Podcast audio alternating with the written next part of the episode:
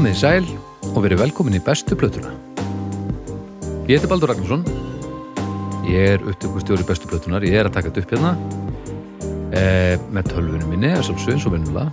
Þetta lekur inn á hana 1-1-0-0-0-1-1-1-0-1-0-1-0-1 sem ég svo fokka í og, og þá ræða þessir ásar og þessi núl sér upp á nýtt í annars konar form og endanum þá glöðast þetta allt inn í hausinu á ykkur og þar tekur heilin við og vinnur ykkur úr þessu.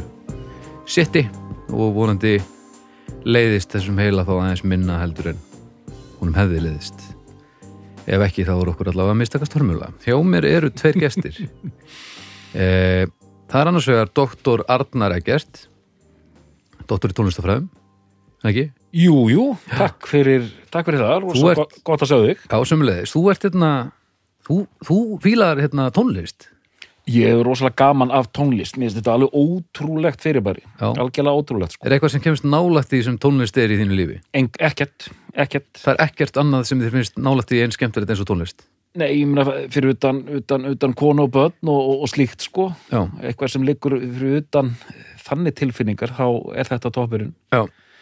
Þetta er náttúrulega líka elsta sambandi Já, og, og all, alls konar svona rannsóknir og þegar maður horfir í kringu sig og hérna þessi eh, töfrar tónlistarinnar eru ótrúlegir sko. Ég eiginlega skil tónlist minna eftir því sem ég verð eldri sko. eftir því sem þú lærir meira E, já, eftir því sem ég læri meira þá er ég alltaf að vera gáttar og gáttar á hvað þetta er alveg ótrúlegt fyrirbæri sko. Já, sem, þetta er alltaf sama saman sama hvert þú lítur það er alltaf mentafólki sem gerir sér best grein fyrir því að þið vita ekki neitt Einmitt. svo erum við með snillingana sem vita ekki neitt sem eru alveg handvisir um þessu með þetta allt saman í lofanum það er, það er mitt fólk sko. Þeir, eru- já, já, já, þeir, þeir eru mjög skemmtilegir. ég til dæmis veit ekki betur en ég sé fyrirtags kjarnorkusálfræðingur Já, en um leiðu ég fyrir nám þá gerir ég mig grein fyrir að ég er örgulega frekar slappur kjarnorkusálfræðingur. Hann er svona er þetta. Uh, Haukur, þér fyrst músík fín Já, þú mætti nú hunskast til þess að búa til meira af henni verandi einna mínum upp á slagasmiðum heiminum. Já, og svo bara gerur það ekkert. Hvað er þetta eiginlega? ég má ekkert vera þessu. Jú, En hérna, er kjarnorku sálfræði eh, til sem fag eða varstu bara splæs ykkur, ykkur saman? þetta er allavega eitthvað sem ætti að vera til. Og verður til þá bara í nánustu framtíð. Við erum ekkert að, þú heiminin er ekkert einfaldast. Nei, en hérna, já, hvað, af hverju erst þú ekki búa til meira músík? Er stöðtarspurningin hefur mikið fyrir því þegar þú ert að semja og svona ég, ég, veit svörum við þessu en, en nei, nei, en, en bara, hérna, það þarf ykkur að spila þetta. það er ekkert mál að spila Nei, Ég get ekki spila á allt, sko. Nei, ég skal spila rest, Já. gerum eitthvað Tellum í hérna eftir þátt. já, já, við dettum semjum eitthvað eitt, en hérna gaman að sjá okkur Sumulegis og Já. gleðileg jól aftur og, Já. og bara bráðum gleðilegt ár því að Já. það er gamlarstagur. það er gamla það er, stöður gam, það er gamlastagur í dag. Það er rétt. Það er nefnilega nákvæmlega þannig, hvernig fannst ykkur 2021 vera? Geggjað maður. Mm, drasl. Drasl, Já, svolítið drasl. bara reynir þetta drasl eða bara Nei, svona nei. En svona meira drasl megin, sko. Já. Er það, er það út af ástandinu? E, ástandi er ekkert að hjálpa, sko. Nei, Slum orða það þannig. ok. En þú veist, þetta er bara... Nei, ég, ég held að sé aðal út af því, sko. Já, þetta, þetta, er farið að, þetta er farið að aðeins að Takk í. já. þingja lundina. Já, já, þetta er bítar. Já. Þetta er nú eiginlega búið, þannig að þetta er allt í góð. Já, já, þetta gæti verið verra og það er þeirra hillundi lokin, sko. Ég Já, finn já. það á mér. Já, já, já, ég, ég er rauninni, í rauninni er þetta búið. Já, já. Fyrir utan náttúrulega allt. En, en, en svona er þetta. En sko, ég er ekki dottin í eitthvað svartnætti sko, ég bara, ég væri rosa til í að ég væri rosa til í að að fá líf mitt tilbaka.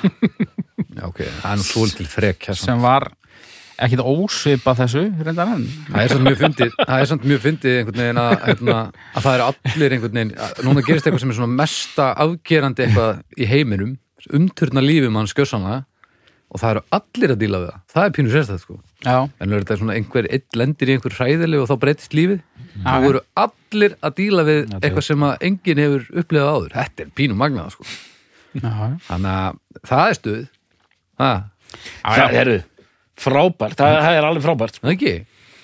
Mjög sérstætt, sko. Já, e, hérna, við skulum samt byrja að tala núna um hljóðkirkjana til mér Já, um, á síðasta degi ársins ég, uh, ég þarf á einhverjum tímpúndum og er vonandi búin að gera það áður en þessi þáttur fyrir loftið.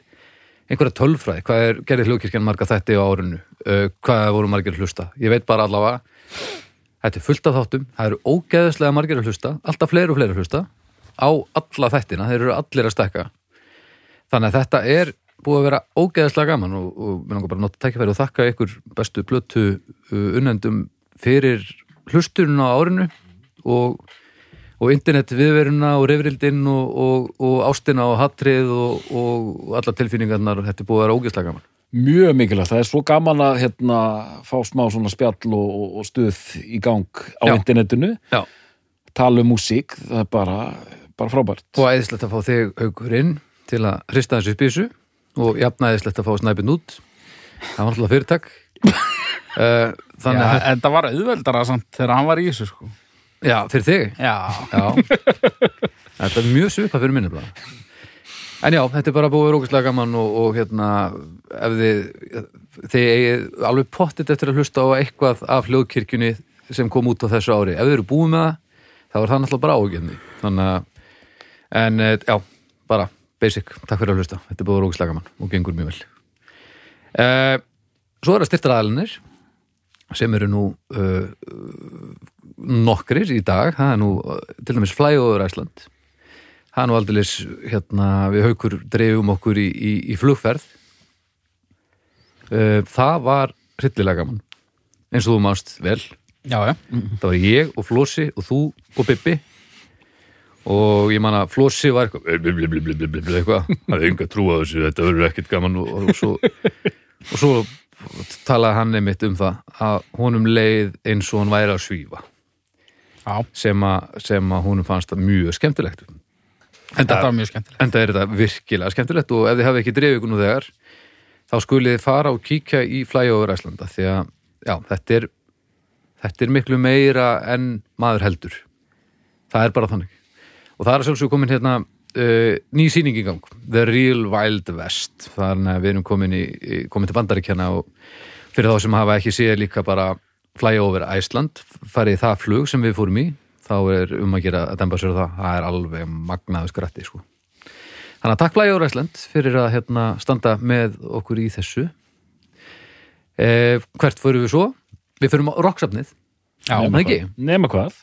hann heldur betur bein tenging við, við efni þáttanins uh, já, bara alla, dag, eh, bara alla þætti. Saps, sem ég þekki betur en handabakið á mér. Já, uh, og þú þekkir handabakuna þær þokkalega, gerðir mér? já, já, mjög vel. Já, þú, þið, þið eru málkunnug.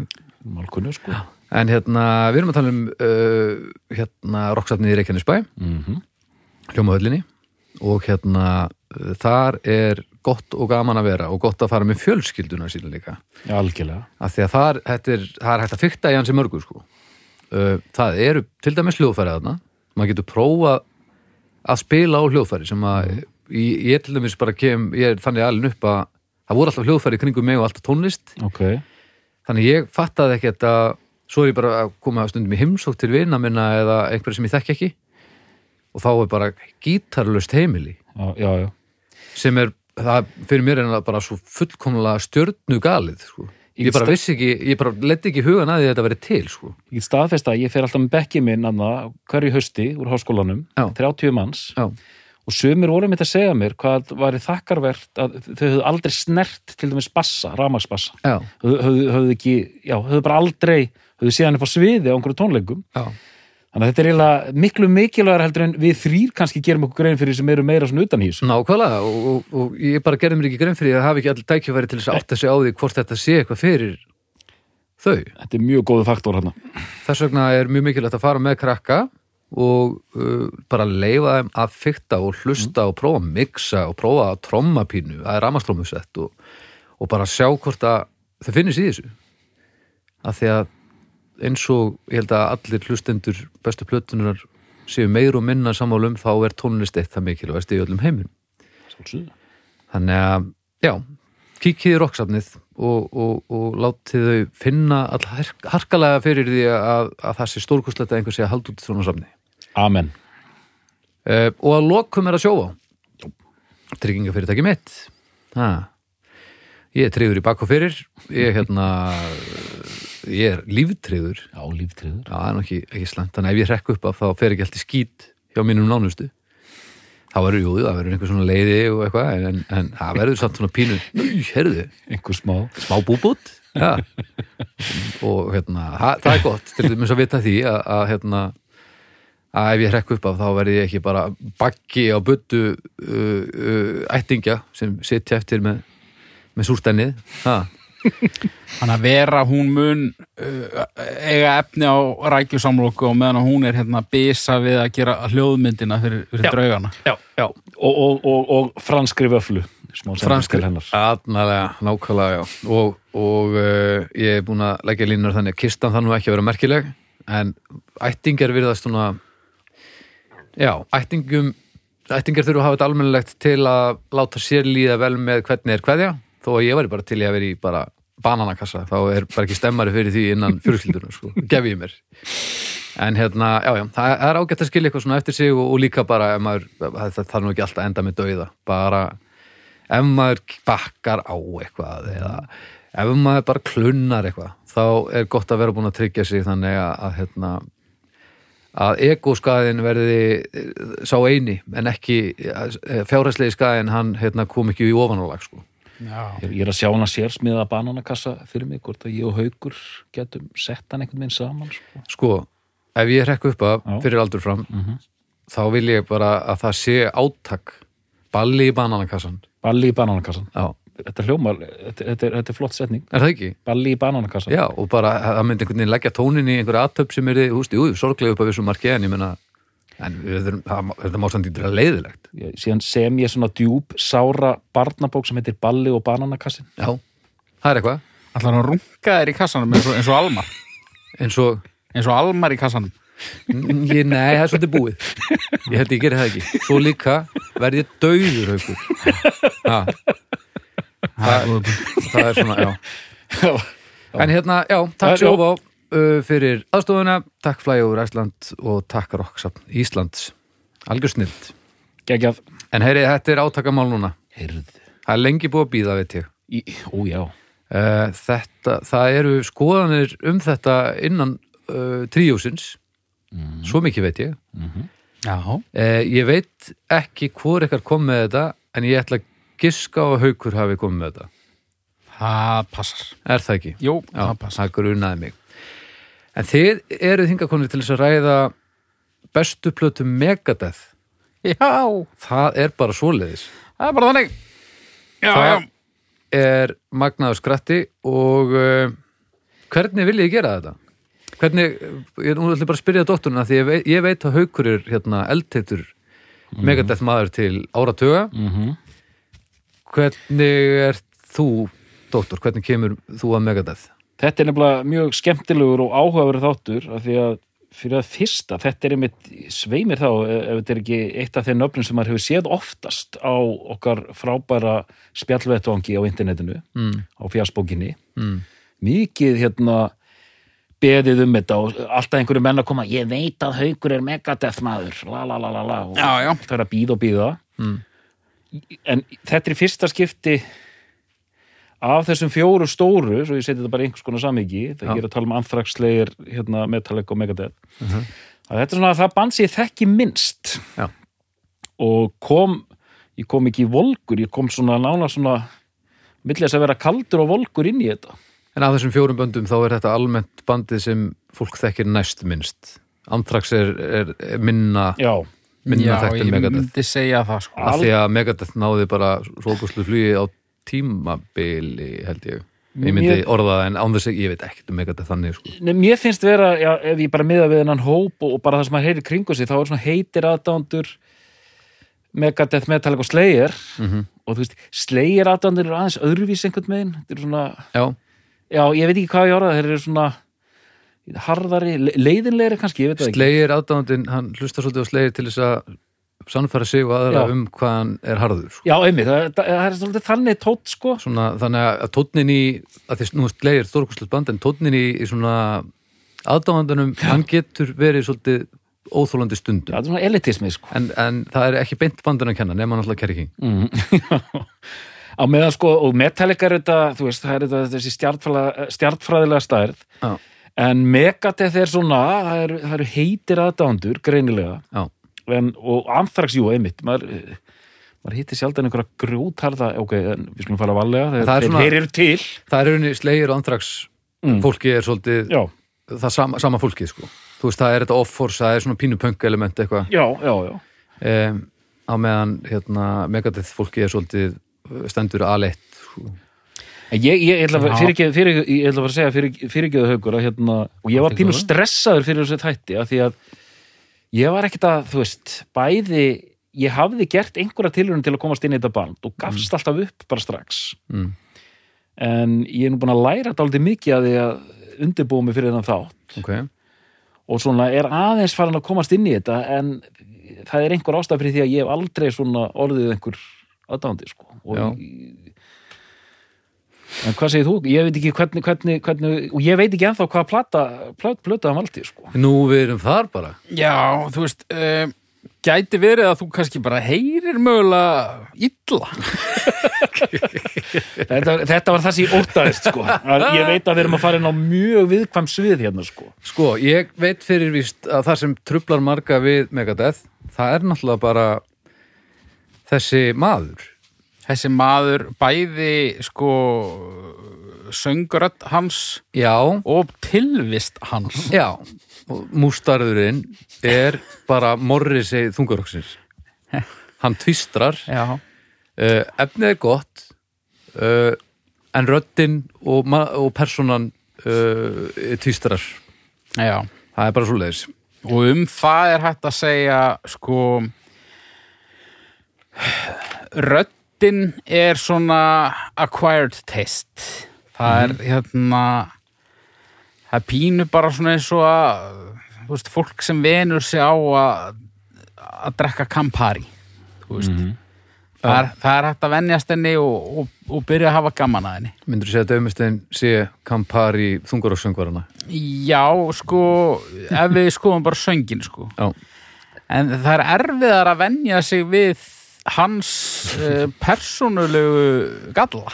já, bara eitthvað sem maður ætti kannski ekki að vennja sig á að vennjast Nei, Ég, ég, en hann er ekki allslæmur og við komum kannski inn á það eftir, sko, að hérna, En ég tók vel eftir þessu með röddina því ég var að hlusta. Mm. Hvað hún er svona asnaleg. Ég, hans asnalegheit trubla mig kannski minnst okay. en ég hlakka til að takast, uh, takast á við það er efnið gott já já, sko uh, svo ég Haukur, bara seti hérna hanskan í gólfið sko vilt þú haukur hérna byrja þetta eða viljið þið taka þetta í sammenningu vilt þú að þið taka þetta í sammenningu já, ég er, ég er alveg til það, sko. Og Ok. má, ég kannski heyra hvaða plötu valdur? ég valdi Rust in Peace, Ok. Því að ég er ekki hálfviti. ok, Uh, það er náttúrulega eins og þú sagðir á það eru margir búin að vera svona eitthvað aðeins að að taka mig og eitthvað svona. Ég vil, við, loft við það fólk vil ég segja uh, ég vona að þið haldið ekki að ég sé doktor í Megadeth.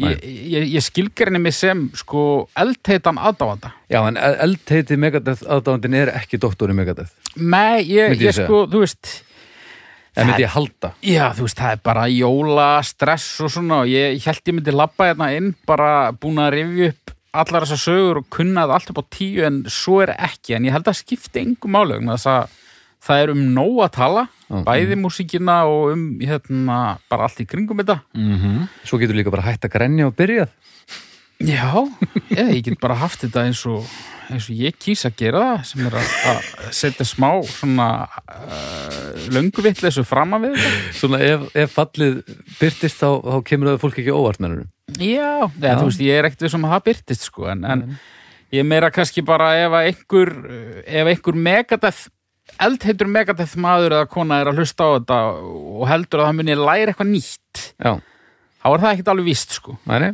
en hérna já, Hmm. við erum ekki að fara að tala um alla plötunar sko. það er bara, þetta eru margar plötur mjög margar plötur, 15, 16 17 plötur, eitthvað slags já, Eh, Það eru ákveðna plötur þarna sem verður samt að fara í saumana á. og að sjálfsögðu er þetta mjög fyrirsjánlegt Eh, þetta sem haugu nefnir að við erum búin, hvað erum við búin að tala um margar hljómsveitir í þessu þáttum þar sem fyrstu fjórar plötunar eru þar sem er talað um. Við tölum aldrei um restina skilur nema á hundavaði sko. Nei, þannig. Eh, séð það er allavega, já, það er sjálfgeft sko. Að því það þarf sérstaka gerð snillinga til þess að halda út áfram eftir að hafa sprungið út með einhverjum, einhverjum mestarverkum sko. Og það, er ekkert, það getur ekki allir verið bávi eða eitthvað skilur og meiri segja hann þetta snýst samt leið fyrir þetta sama sko. Fyrir mér snýst þetta samt í rauninni ekki um það heldur sko, þú veist, ég menna um, þú getur gert frábærar plötur út allan ferilinn en samt er fólk bara að pæla í fyrstu fjórum út af því að þar var mómentið eitthvað já. og svo er þetta líka persónulega momentið ég meina, líka það sko. Já, ég er forvitin að vita sko hvað er það sem þú fílar við Megadeth? Vá, ég var ekki tilbúin í þessa spurningu. Um, frábær spurning þessu er. kannski næja svarin í lok þáttar. Ok, en ok, byrjum bara á einhverju byrjun. Já. byrjum á uh, Ég var að byrja í San Francisco. Já, eða þú veist, ef ekki bara byrja í hérna, rútu? Mm. Rútu einhver staðar í, í, í Kaliforníu ríki Já, þar sem að Dave Mustaine situr hann er bugaður hann er timbraður og hann er niðurlagður út af því að hljómsveitinans var að reka hann. Þeir Lars Ulrik og, og James Hetfield. Þeir hérna, fengu sér full sattan af honum og hegðun hans í í svona litlu en efnilegu bandi sem að kalla þessi Metallica. Aha. hann spilaði þess að hann var solo gítarleikari Mhm. í þeirri sveit og þarna hafði Metallica ekki enn gefið út breyðskju Þetta er bara rétt fyrir kilumál er ekki? Jú, Það er rétt fyrir tökur og kilumál já. Er, er, er 82 Já, sko, hún kemur út í mæ 83 þannig að já, ætli þetta, þetta er sennilega bara hann eitthvað tíma 82 Hann er sko. rekin 11. april 1983 Já, Já, ok. Já, Jú, það, það passar. Hann var það er tæpur mánuður. hann var búin að semja öll sólóun og kilomól og Kirk Hammett í rauninni bara, þú veist hann var bara svolítið að taka Mustaine sólóun og pekkaði upp sko, Nú er það? og breytaði með eitthvað smá. Já, já. En hérna Já, hann er bara hann er bara sendur burt með rútu eftir að hafa uh, dottið í það og hérna hann réðst á eitthvað eða meiga á eitthvað sem eitthvað átti eða eitthvað og hérna, nei hann heldi að ég veit ekki, hann, þú veist þetta hann var búinn að gera alls konar Þetta eru sögurnar sem þú helst þú myndir kunna. Já, Já, já, já ég, ég, sko, mér minnir að, að það, sem, það, það sem gerði útslæðið minnir mig að hafi verið það að hann heldi sko áfengi yfir hljóðfæri bassalegarans eða eitthvað. Já, já, en það skiptir ekki máli, hann var búin að haga sér eins og fábjáni og þeir fengu nóg rákan og senda hann heim og, og þarna í rútunni eins og hann segir söguna Mhm. veit ekki hvort það er rétt útgáfa en hann segir að þarna í rútunni hafi hann ákveðið það að, að sko hann ætlaði að stóðna ljósett sem veri betri hraðari, meira þungarokk og, og bara ná miklu lengra en Metallica. Hann ætlaði að skilja það eftir í sko duftinu, ekki ríkinu já. duftinu af sjálfu sér. Metallica átti að- splundrast í, í, í kjölsói Megadeth. Og hérna ha, hann hóa saman í, í eitthvað mannskap. Og uh, hann var ekki alltaf verið saman mannskapurinn í Megadeth. Það er ekki alveg hægt að segja það. Nei, en svona uh, líkil meðlimir mhm, Dave Mustaine Mhm. uh, gítar og söngur Jú. og David Ellefson bassaleikari hann hefur komið og farið en, en þetta er svona eh, eitthvað sem margir myndu segja væri, væri kjarnin í hljóstinni Já. en svo má líka fara rauk fyrir því að þetta sé bara one man show sko. Já. Er það? soldið Ok. uh, en fólk talar um svona ákveðin line-up Megadeth Já. sem svona ultimate line-up Já, sko. þetta er eitt af þeim böndum. þetta er eitt af þeim böndum Já. og það line-up uh, fyrsta plata þess line-ups er svo sem að ég tefli fram, Rest in Peace og hún gefur út fjórar eða fimm plötur fimm held ég ok Þessi fyrsta plata best þokkaðasta line-upsins Já. er Rust in Peace já, ok, ok uh, já. Fyrsta platan, hún kemur 85 ég, ég, vil- ég ætla líka að hrósa oft skemmtilegir orðarleikir hjá, hjá Pilti sko. með stein Rust in Peace. Já, já, já, já, já, þetta er, það er þetta sérhljóðagrín. Já, já, já, það er nokkuð gott sko. já, já. Uh, hann er gríðarlega hæfileikar ykkur maður. Það má segja sko hérna bæðum lagasmíðar og textasmíðar og, og alla umgjörð að þegar að vel tekst til þá er þetta til fyrirmyndar. Mm. en það er kannski út af því að hann er svo mikill einráður að þá stundum gera hann eitthvað sem er ókslega hallærislegt. Mm bara, þú veist, að ætla að vera uh, með einhvern talkabla hérna eða, Jú, jú. þú veist, já, einhver glataðu texti, þú veist, hann, hérna það er enginn sem stoppar. Það er enginn sem stoppar hann, sko og hann getur verið svona Ertu viss um þetta lag Dawn Patrol? heyrðu, Já, ég er alveg handviss. Einmitt, nákvæmlega. Það, er mjög góðu punktur. Það er líka mjög veikur punktur á annars bara eila skotheldri plötu sko. Já, en uh, þess maður geta að það er, það er sonur elluhunar sem á það sko.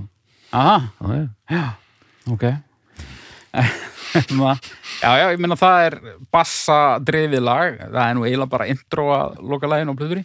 En fyrir kannski nánar í plötuna á eftir. Já. Fyrsta platan, Killing is my business. Þrý punktur. And business is good.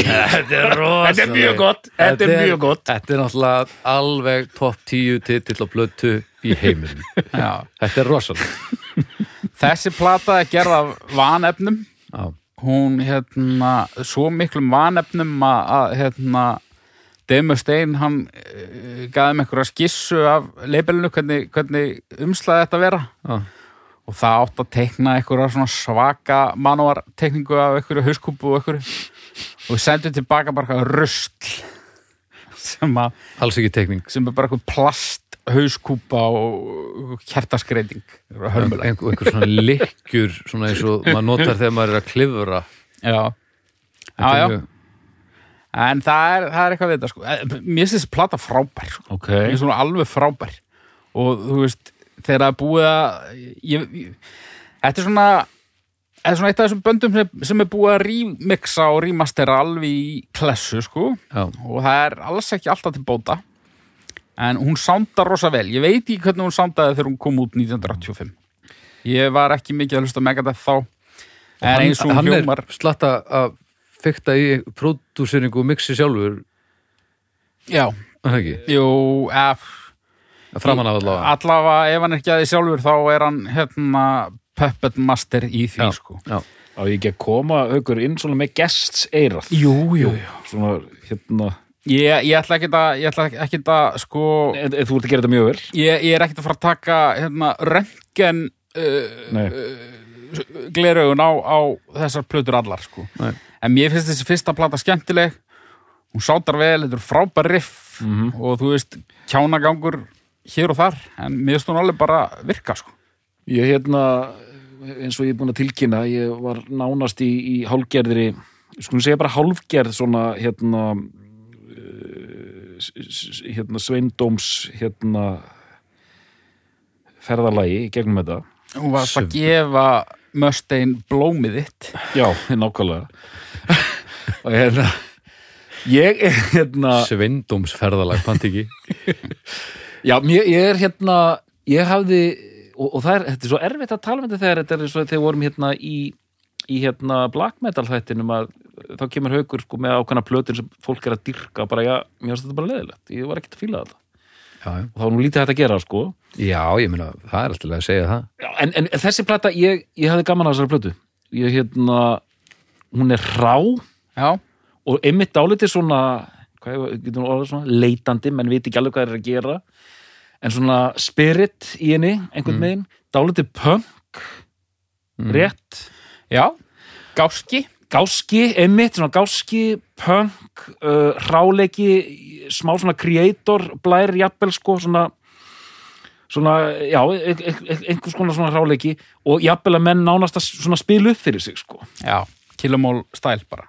Já, og svona sem ég fíla oft hjá hljómsöndu þegar það er, er að reyna að gera eitthvað rosalega flott og, og geta það ekki alveg, er ekki með hérna hæfilega, ekki hæfilega þess að eru bara ekki komin á það stig ennþá Mm. en eru með rosa vision sko, viljum að hafa þetta svona rosa flott og það er einhvern veginn eh, þannig sko Já. það er svona hillandi plata sko og Einmitt. alveg rockal sko Já, veist, er creator að því þú nefndir mm. þá sem að þetta er nú svona e, já, þið daðara við hvort annað þessi böndfóldi Mm. creator, er það ekki rétt fyrir mér að það er bara að byrja á nákvæmlega sama tíma Jú, algjörlega Jú, bara eitthvað ár Jú, ég, ég held að fyrsta plata með Creator hérna uh, Flag of Hate nei, hérna Endless Pain hún er 85 er það ekki? Jú, sama ára þessi.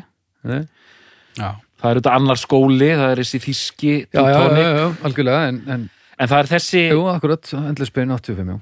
Það er þessi sko, ef maður er að bera saman sem er kannski ekki hægt, Metallica og hérna Megadeth, hann er Metallica búin að gefa út Ride the Lightning á meðan sko Megadeth þessi fyrsta plati er svona rustara, rustlaralegt þrass já og Já. bara en, en einmitt, andi mm. En mér finnst samt svona, þú veist, maður heyri líka að það eru alveg húkar þarna mm -hmm. sem að ég heyri kannski ekki alltaf í þessu svona með alveg fullri viðingu en í þessu svona B-klassa þrassi. Mm -hmm. Þá er ég ekki að tala um að það sé lélegt heldur svona þessum, þessum minnaþæktu böndum sem að gátt hauga plötum Mm. og hérna það tala um svona Death Angel eða já, til dæmis Mhm. uh, Dark Angel Dark Angel, Death Angel bara uh, skriljón svona bönd Mhm. og það, maður heyrir bara það eru geggjulög og svo eru fillerar og Já. svo er næsta plata og svipuð og það verður svona svolítið svona eins, einsleitt Mhm. Uh, mér finnst það hvað heitir, An Annihilator já, ég sko já, það, það, það er til dæmis dæmi um band sem er ekki alltaf að gera frábæra hluti en, en, en fært um að gera frábæra hluti já, já. En svona, þú veist, þetta er ekki þessi svona dæmigerða þrass síbilja, svona Nei. þegar, þegar böndin voru farin að keppast um hver veri hraðastur og, og, og það, það gátt stundum orðið pínu döl, sko. Og, og það er einhver svona persónleiki sem sagt, þú meina það Já, og bara, bara þú veist, það er, það er bara einhver húka mestari í mm. möstein, sko. mm. og líka eitt, og ég ætla bara að nefna á henni gleymi því að þetta færist líka yfir á næstu blötu að það er líka það er ákveðin svona sinfonískir progg-draumar hann Já, einmitt. Já, það eru sjö kaplar í hverju lagi og allt, allt eitthvað þannig sko. já. Já. án þess þó að verða list beint Já, einmitt, er hann meira- er kannski með fjagra mínútna lag og það eru, það eru konið sex kaplar sko, mismunandi sko. já. en það er ekki samt til þess að búið til stórkostlega mistari, sko, það er það ekki bara svona það er bara að keira á alls konar og eitthvað Já, dálítið, já, ég held Svolítið. að við sem meira þar sko. En sko line-upið þarna, þar eru við með metalhundana, Dave Mustaine og Dave Ellefson á gítar og bassa og söng. Svo erum við með tvo djassara á uh, hérna lítgítar og trommur, ef mér skjállast ekki. Hvert er line-upið þarna? Er ekki, eru ekki með uh, eru ekki með Chris Poland á gítar og Gar Samuelsson á trommur? Jú. Það er line-upið þarna. já. svo Ellefan og Mústarur Já, þeir voru djassar þeir, þeir vissu bara varla hvað þungar okkur var sko. og Gar, Gar Samuelsson Já. sem ætti náttúrulega að vera norskur black metal maður Já, hann spilar líka á timpani bara svo það komið fram. já. einmitt Þannig að margir vilja meina að þetta heyrist og ég vil meina að þetta heyrist en, en kannski er það bara út af því ég veit það mm. Það er svona eitthvað, svona eitthvað djassnálgun í Já. sérstaklega í trommunum Ok, ok en hérna ég kann svo sem ekki að, að nefna nákvæmlega hverju til mig heyra það Já. en ég meina það er alveg vel þekkt að það getur verið mjög kreatíft skemmtilegt að með fólk úr öðrum stefnum inn í einhverja nýja stefnu. Algjörlega. Á oft verður eitthvað skemmtilegt til. Það er sami mannskapur sem leikur yfir á næstu plötu. Já, Písels og það er sko það er sennilega, sko ég er að tefla fram Rest in Peace sem er svo plata sem flestir myndu nefna. Vil ég meina. En, en, Ég seg, held að P-Cells sé uh, önnur annað val en, en segðu okkur hvað þessi plata heitir svona, eins og þú sagðir með svona dramatískum Já, P-Cells þrý punktur, ef maður rétt Mhm. But who's buying? Þetta þrýpunta dæmi það, það er svakalegt hann á framan af að því svo kemur þriðaplatan Já, So far, so good þrýpuntur, so what? Og svo er bara búið að vera lægð þrýpunta lægð alveg þangað til á næsta ári á morgun Já því þá er yfirvóandi ný plata. Er hún að koma á morgun? nei, en á Já. morgun er næsta Já, ár allavega. ef þú ert að hlusta á raun tíma, sástu hvað ég gerði þarna? Fljótt Já, og ég, ég, ég, held að hún hún kom í vor. Allavega, the sick, the dying punktur, punktur, punktur and the dead! Já, já, og alltaf er problem ekki, þetta er, er snild Þetta er mjög gott. En það, Hún kemur 86 Hún gefur 86 og hún hljómar heldur betur eins og hún hafi komið út á 86 Já. Þannig hún er alveg, hérna, sko hún er góð. Já, hún er mjög góð. Ég, ég hef aldrei náð sömu tengingu við hana samt og, og við til dæmis Rest in Peace eða bara fyrstu, sko. Ok. Ég held að sé að einhver leiti soundmál. Ég held að sé, ég held að hún sé bara aðeins og mikið 1986 Já. Bara og ég hef eiginlega sömu sög að segja með Master of Puppets. Þó ég sé mikill Puppets maður þá, ég veit ekki, það er eitthvað við Ride the Lightning og Kill 'em All sem að heilla mig meira. Og Justice, út í það er farið. Já. það er þetta svona reverb trommu sound sem að mér finnst svo leiðinlegt í 80s þungarokki. Já, já, já, já, já.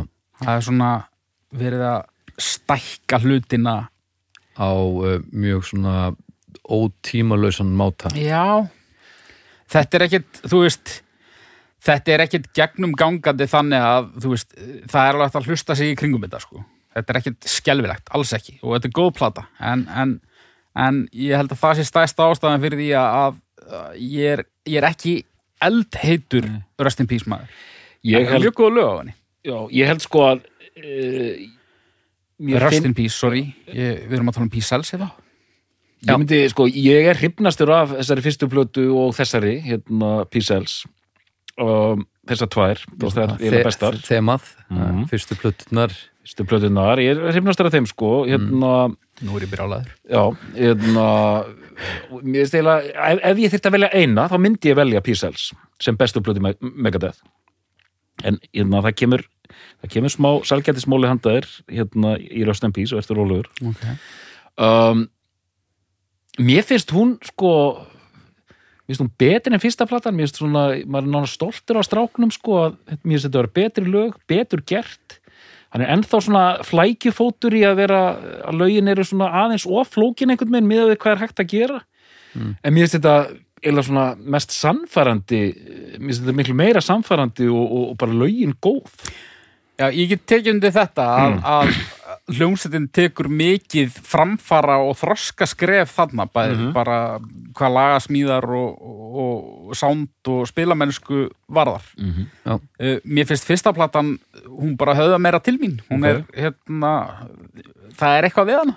og líka töluvert uh, töluvert svona þroska stökk líka í, í artworki Já, geggja cover. alveg geggja cover og alveg jafn flott og hitt var hörmulegt Já. Þannig að ég í rauninni hef ekkit slemt um P-Cells plötuna að segja. Það væri eiginlega bara fáran það mér að gera það, sko. Ég bara, eh, hún stendur mér ekkit rosalega nærri svona þegar ég horfi yfir katalógin. en er hún í hæstu hæðum hjá hinnum almenna Megadeth aðdónda Ég myndi segja Rust in Peace, uh, P-Cells og Countdown, þær þrjár eru þær þrjár plötur sem flestir nefna. mm, okay. Ég held að röðin sé ég held að röðin sé Rest in Peace, P-Cells og, og Countdown þessi röð. Uh, P-Cells og Countdown kannski vikslað Ok. uh, meira um Countdown og eftir. Já þetta er góð plata og þú veist vakti aðtigli uh, en þarna voru náttúrulega Metallica búin að sigla tölvöld fram úr þeim. Já, já, og átt eftir að sigla lengra fram úr þeim. En, en þarna eru þeir samt ennþá í keppni sko. þetta er ennþá keppni. Já, þetta er, það er alveg þannig. Eða þú veist, já, já. Þú veist, og þarna er þrassið í algleimingi almennt séð, þarna er að koma út þetta er sama ár og reynin blott kemur út þetta er sama ár og ple, hérna hérna Pleasure to Kill með Creator kemur út sko. Þetta er rosalegt ár, þetta er 86 sko. Já. Einmitt hvaða lög er það maður? Wake Up Dead, það er fyrsta lagið. Geggjað, geggjalag, Wake Up Dead, uh, The Conjuring já, geggjað. Peace Hells, Peace Hells, frábært. Devil's Island já, öss. Good Morning uh, Black Friday já, Bad Omen I Ain't Superstitious. Oi og My Last Words. Já, það kom ykkur rosalegir hundar hérna sko já, og, það er þetta good morning með þess að ég er að, ég er að syrkja sko, það er alltaf þessi orðarleikir hjá honum sko. Já, Já, mist, síðast alveg leiðilegt sko. það er alveg svona mikils metið síðasta? Já, megadætt lag. My Last Words. Já. Það er fimm mínútur. Uh, og hérna Ain't Superstitious það er náttúrulega ógeð. Já, já, þetta er en restin er bara rock solid sko. Það er ógeð, já. Uh, er, það, er það cover? eða já, eitthvað? já. ekki já, þetta, er það? ríkalegt sko uh, I Ain't Superstitious written by bluesman Willie Dixon já hann er eitthvað grallara spói sem að einhver hefði þurft að beisla ah, í mösteinu sko. en já, frábæra plata myndbandi við Peace Hells maður, það er geðvegt mm. mannstu þetta í? nei, sko ég er það á tónleikum eða? Uh, það er eitthvað tónleikaklipp inn í minni mig en þetta er svona að byrjar það er svona síðherður táningur Já. að horfa á sjónvarpið. Ok, og hérna uh, mér minnir sko ég man ekki hvort það var bara skot í eitthvað svona montasi eða hvort það var ekki að horfa á Reykján og Gorbatsjóf fyrir utan höfða. Já, já okay. og hérna pappans kemur eitthvað inn og skammar hann bara hérna og uh, hvort hann segir honum að slökka því hann ætla að horfa á fréttinnar og hann segir eitthvað this is the news. Og þá byrja lagið. Wow. og það eru svona fréttamindir úr hérna, Reagan Gorbatsjóf og einhverjum kjarnorku tilraunum og einhverjum Vietnamstríði og, og, og svona alls konar. Og svo þeir eitthvað að rokka þarna. Þema sem er mjög svona eh, hérna eh, svona, hann heldur þessu þema aldrei mikið út bara í allan feril. Stríð og kjarnorku styrjaldir og, og. Og, og, eitthvað svona technol te technological warfare. En hann tekur samt eiginlega veist, uh, hann nálgast þetta öðruvís í dag vegna þess að hann veist, hann byrjar sem svona uh, ég má eiginlega segja það sama með Hetfield líka nú ætla ég ekki að gera þeim upp skoðanir en Hetfield og Mustaine á, á nýjunda áratugnum voru að syngja svona um hörmungar stríðis og voru gaggrinir á, á stríðsbrölt. Mm. Í dag ég sko ég veit það ekki. Það, sko annar þeirra kaus pottjett Trump. Það eru enga líkur á að hvorur þeirra kosið Trump. En hérna já, maður veit ekki. Uh, já, næsta. Já, já, ég ætla bara að segja, ég man eftir myndbandi frá því ég var kannski 11-12 ára af hljómsveit sem kallaðist Megadeth sem manni fannst auðvitað alveg ótrúlegt og þá var einhver svona rauðhærur þurs að manni fannst var að spila á bakvið svona hérna hérna hvað heitir þetta, glímu svona búr hvað heitir þetta, fjölbræða glímu já, játbúr. Einmitt. Kannastu við þetta? ég, þú sennilega tala bara um Holy Wars vídjóði sko. Og, og, og manni fannst þetta ógvænlegt sko. Ég man ekki hvort það var glímubúr eða bara eitthvað svona kjúklinga já, sko. já, eitthvað svona En, kjúklinga hérna, dæmi sko. Nei, förum í hérna eh, þriðju þrýpuntaplötuna Já. Þar er, þar hafa átt sérsta mannabreitingar, það er einhver, einhver annar gítalegar hana, Jeff Young, minnum með hann heiti, Jeff Young, já uh, er, er Það er líka búið að skipta út hérna Samuelsson farin út. Já, Chuck Baylor Já. Þessi plata er drasl. Hún er það bara. Það er alveg, Hvað gerist? Þeir bara tóku öll eitulegin. Og hérna, nei, nei, hún er kannski ekki drasl. Hún en er rosalega köflót Já, hún er það sko. Já, Allt út um allt sko og þarna er þarna eru þeir bara á síðustu metrunum í neslu og ruggli og það bara heyrist einhvern veginn mm. uh, náttúrulega platan á undan hún var vinsæl svona í samhenginu og, og þú veist þetta var stórt band, ég átta ekki alveg á stærðinni samt út því ég upplýði það í rauninni ekki í rauntíma þó ég hef verið til. Mm. en hérna uh, nú maður fá notification hérna maður þóri ekki annað en að tekka á því það er alveg að koma jól og, og eitthvað. Já, á ég að halda boltanum hérna á lofti? Heyrðu, nei, nei, þetta er alltaf leið mm. uh, Já, en, en þú veist til dæmis bara ef þú horfir á eitthvað 80s mynd og það er eitthvað svona þungarokks unglingur eða eitthvað þungarokks lag það er það er svona það, það eru svona nýju megadeth á móti einu Metallica. Já, Mm. þetta var svona, þú veist, og eflaust hefur það bara að gera með label eða umbóðsmenn eða eitthvað en það var rosa mikið verið að koma þeim í bara alls konar.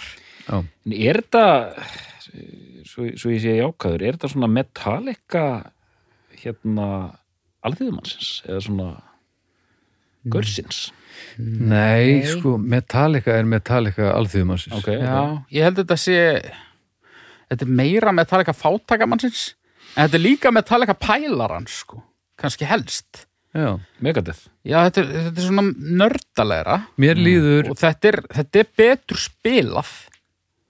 Hvað séð þú bara?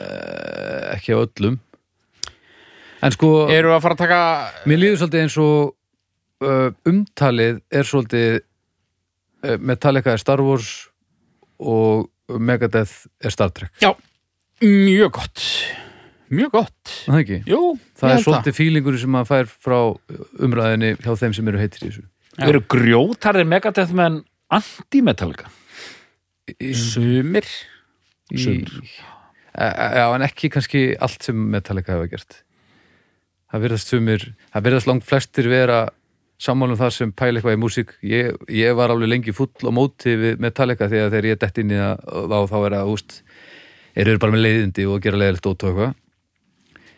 En svo er náttúrulega er ekki þetta að fokka í þessu efni þarna framanaf þú veist, það er bara ekki þetta líta fram hjá því, skilur Nei, nei.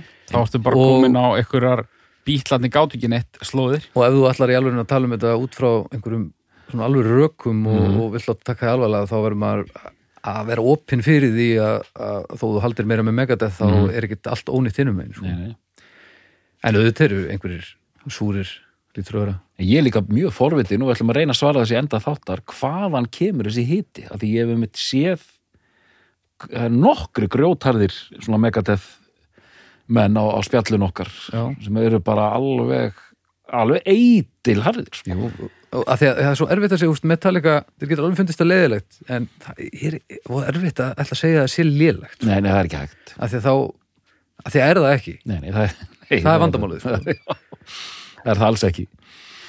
Já, ég meina, þú veist hljóðfæra leikurinn það er náttúrulega umræða sko. Uh, ekki allir segir Baldur nei mögulega er James Hetfield betri ritmagítalegari en. James Stein Já. veit það samt ekki. Mm, en James Stein er en, en hann er líka Hann er mjög flassi sóló getilegari líka. Já, hann er náttúrulega heilt, hann, er, hann er með fleiri tól í, í kassanum hann er segja. það sko. En eina tólið hans Hetfield er helvíti tröst sko. Já. En þetta er náttúrulega hægt að rífast um þetta út í óvandalega en af þeim 418 mann sem hafa verið í Megadeth, Megadeth þá eru allavega 400 heimsklassa hljóðfærleikar já, og það hefur bara verið Já. svolítið uh, þema í þessu bandi að hann, hann fær til sín bara gæja sem geta ógeðslega mikið. Ok. En, ok, en, ok, bara einspurning eldsnögg. Það er, það er Jónsmessunótt og þú ert á krossgötum og allt í einu hérna byrtist Satan og þú byrður um að gera bestan og gítar í heimi og hann segir ég bara á ekki alveg það mikið en ég skal gefa þér hérna tvær uh, hendur til að veljúr mót annars vegar fá tjökk hönd mústarsins eða tjökk hönd Hetfieldsins Hetfieldsins Er það ekki? Jú. Þá, það svarar því sem svarar þarf. sko. Nei, þú eru þá að setja þessa spurningu upp öðruvísi sko þess að hérna ef hann, ef hann myndi bjóða mér ekki Chuck Hunt þeirra begja, Algjörlega. þá væri svarið held ég stein sko En parið. Handaparið. Ég veit það ekki Ég veit það ekki sko Þetta, ah, ok. okay. Þetta er, við verðum bara að spurja umræðahópina þess Þarna, já, við þurfum að setja pól á, á, umræðahópin. þetta, þetta er góðu pól Hva, hvaða tjökkund myndir þú velja? Já. Já, ég held að flesti myndu velja Hatfield Chuck höndina sko Já, ok, erum við að tala um bara parið? Parið eða vinstri höndina Nei, vinstri höndin, það, mústarinn tekur það. Yes, Það er ekkit allir sem myndu segja það sko Ég segi parið, af því að ég held að við séum með David, hann er, hann er, uh, hérna, ég held nefnilega að þeir skipti þessu þokkalega á milli sín eftir höndum, þannig að við þurfum held ég að hafa parið til að sjá Já. Hvað fólk leikur, sko. Hatfield er að fara að vinna það sko en hvort það verður verðskuldað, ég veit það ekki. Og ég... þess má geta að persónuleikin, hann kemur ekki með höndunum, þannig að þið þurfum ekki að pæli því. Nei, en, en söngurendin gerir það. Já, Nei, þú veist, ég er ekki að tala mikið um þessa drastplötu þarna. Hún er, hérna, hún eru sprettir þarna en þetta er ekki, þetta er ekki nógu gott sko og, höldum áfram. og þú veist eh, þeir voru bara komnir hálfa leiði ræsið þarna. Já, uh, svo liða tvö ár. svo bara uh, settu tappan í flöskunnar sko, allavega einhverjir þeirra. Ok, uh, 1990 kemur út platan Rust in Peace og nú er ég að hoppa yfir. Uh, talaður ekkert um uh, túrin með Ossi og eitthvað, já, skiptir ekki máli. Ok. uh, hérna Rust in Peace er fjórða platasveitarinnar, kemur út 1990 mm. þar eru við komni með endur nýjaðan mannskap. Við erum komni með uh, því sem næst edru út eða með stein uh, veit ekki alveg hver staðan á Ellefsson var sko, hann var náttúrulega junkari og hellaður, en ég veit ekki hvort hann var edru þarna, jú, sennilega segjum það bara en svo eru þeir komnir hérna með lítgítaleikaran Marty Friedman. Já, sem að er nú, hann getur nú sveiflað öksinni uh, ágætis handapar þar. Já, já, hann fær semt ekki að vera með í pólinu, en þú veist. með mig og svo eru komið með trommuleikara Nick Menza Já, uh, hvaðan hann kemur? Já, það er nú eitt sem ég veit ekki um Megadeth. Það er hvað Nick Menza var að gera fyrir Megadeth. Uh, en það skiptir engum máli vegna þess að þarna, hann er mættur þarna. hann er mættur þarna. Og þetta, þetta er nú góð plata. Já, þú segir það? Já, mm. hrifin að henni sko. Ok. Já, mjög hrifin. Þú mátt byrja. Sko, ég sagði við sjálf á mig ef ég myndi, ef ég hefði haft meiri tíma, ef ég hefði haldið áfram þá hefði ég líklega endað í Rust in Peace sem bestu plötuð Megadeth, sko. ok. Ég bara fann að þetta var að koma, sko. Það er svona uh, hún er einhvern veginn þetta er meira bara þetta er svona fíniseraðara þetta er betra, þetta er vandaðra Uh, þetta er svona fyrir mig og nú er þetta mikil einföldun svona, svo bara svona aðeins strömlínulagar útgáfa af hérna af uh, P-Cells einhvern hátt sko. Að því að sko þessi hérna so far so good er skulum bara taka hana aðeins úr jöfnunni bara. Að mér finnst þess að Rust in Peace er svona ok, núna er, ég, er mér að takast almennlega að gera það sem ég hef verið að reyna að gera á sem fyrstu töfum blötum sko. Já. en eins og sé, þetta er gisk. Myndi ég enda bara ok, Rust in Peace er besta platan eða hrekkur inn hérna punkróttan í mig að segja nei, ég, ég er að fíla hráleikan betur af þessu á kostnað hérna ég held þú myndir Þetta er mitt innlegg. Ég held þú myndir enda þar og ég segi það með þeim rökum að þú endaðir í And Justice for All í Metallica þetta mm. sko. Þetta er uh, það eru alveg svona það er hægt að líka þeim saman á einhvern hátt þetta er uh, þetta er uh, proggaðasta platan þeirra Einmitt, og hérna gríðarlega kabla skipt einmitt. og hérna uh, soundið ólíkt og allt það en, en þú veist, ég myndi segja að þetta er Justice plata Megadeth Byrjar þarna og hvað er fyrsta lagið áttur? Er það alveg spurning? Já, hvað er fyrsta lagið? Holy Wars Holy Wars Já The Punishment Due Þrýr punktur Já, þetta er, þetta er svona tvölu í einu sko. Þetta er náttúrulega besta lag sem samið hefur verið í heiminum og hljóðritað og það er þannig. Já, Já, það hefur ekki verið samið eða hljóðritað betra lag heldur en Holy Wars nokkuð tíma. Ok. Ertu viss? Ég er nokkuð viss sko. Ok, Ég er, ég er eiginlega bara handviss. Ok, ok.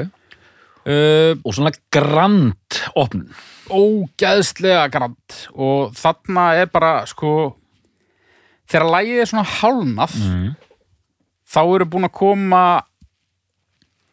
þú veist riff sem eru fleiri og betri en sko í heilum katalóg ákveðina hljómsveita.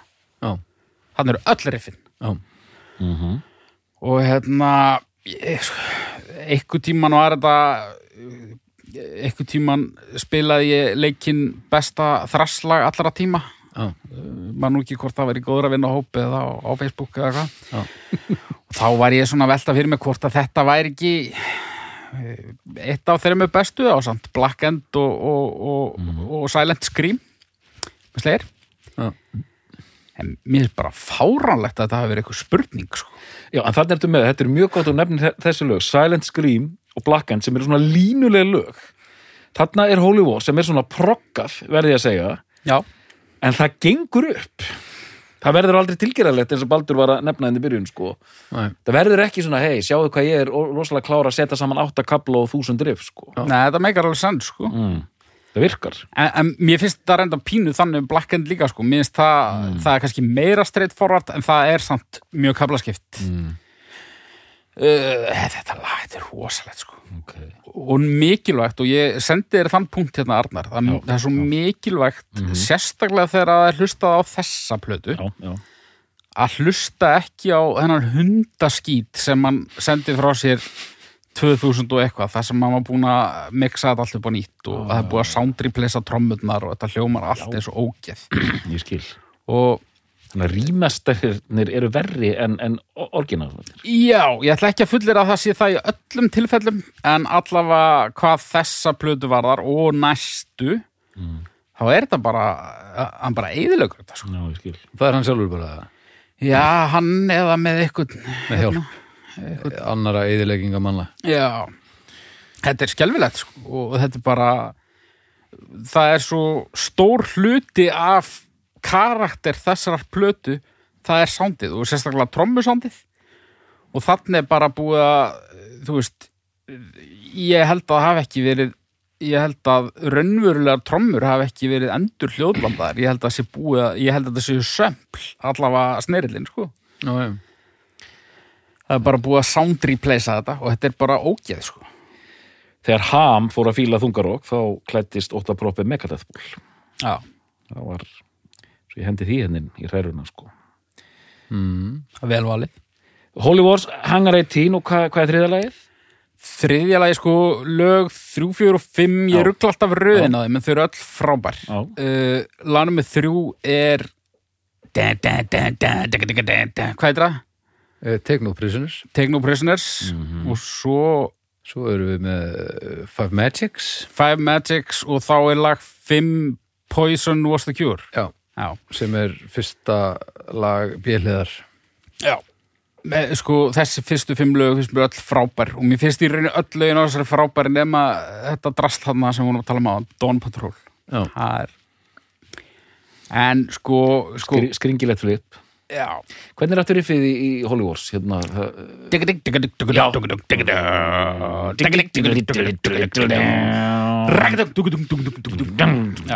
og síðan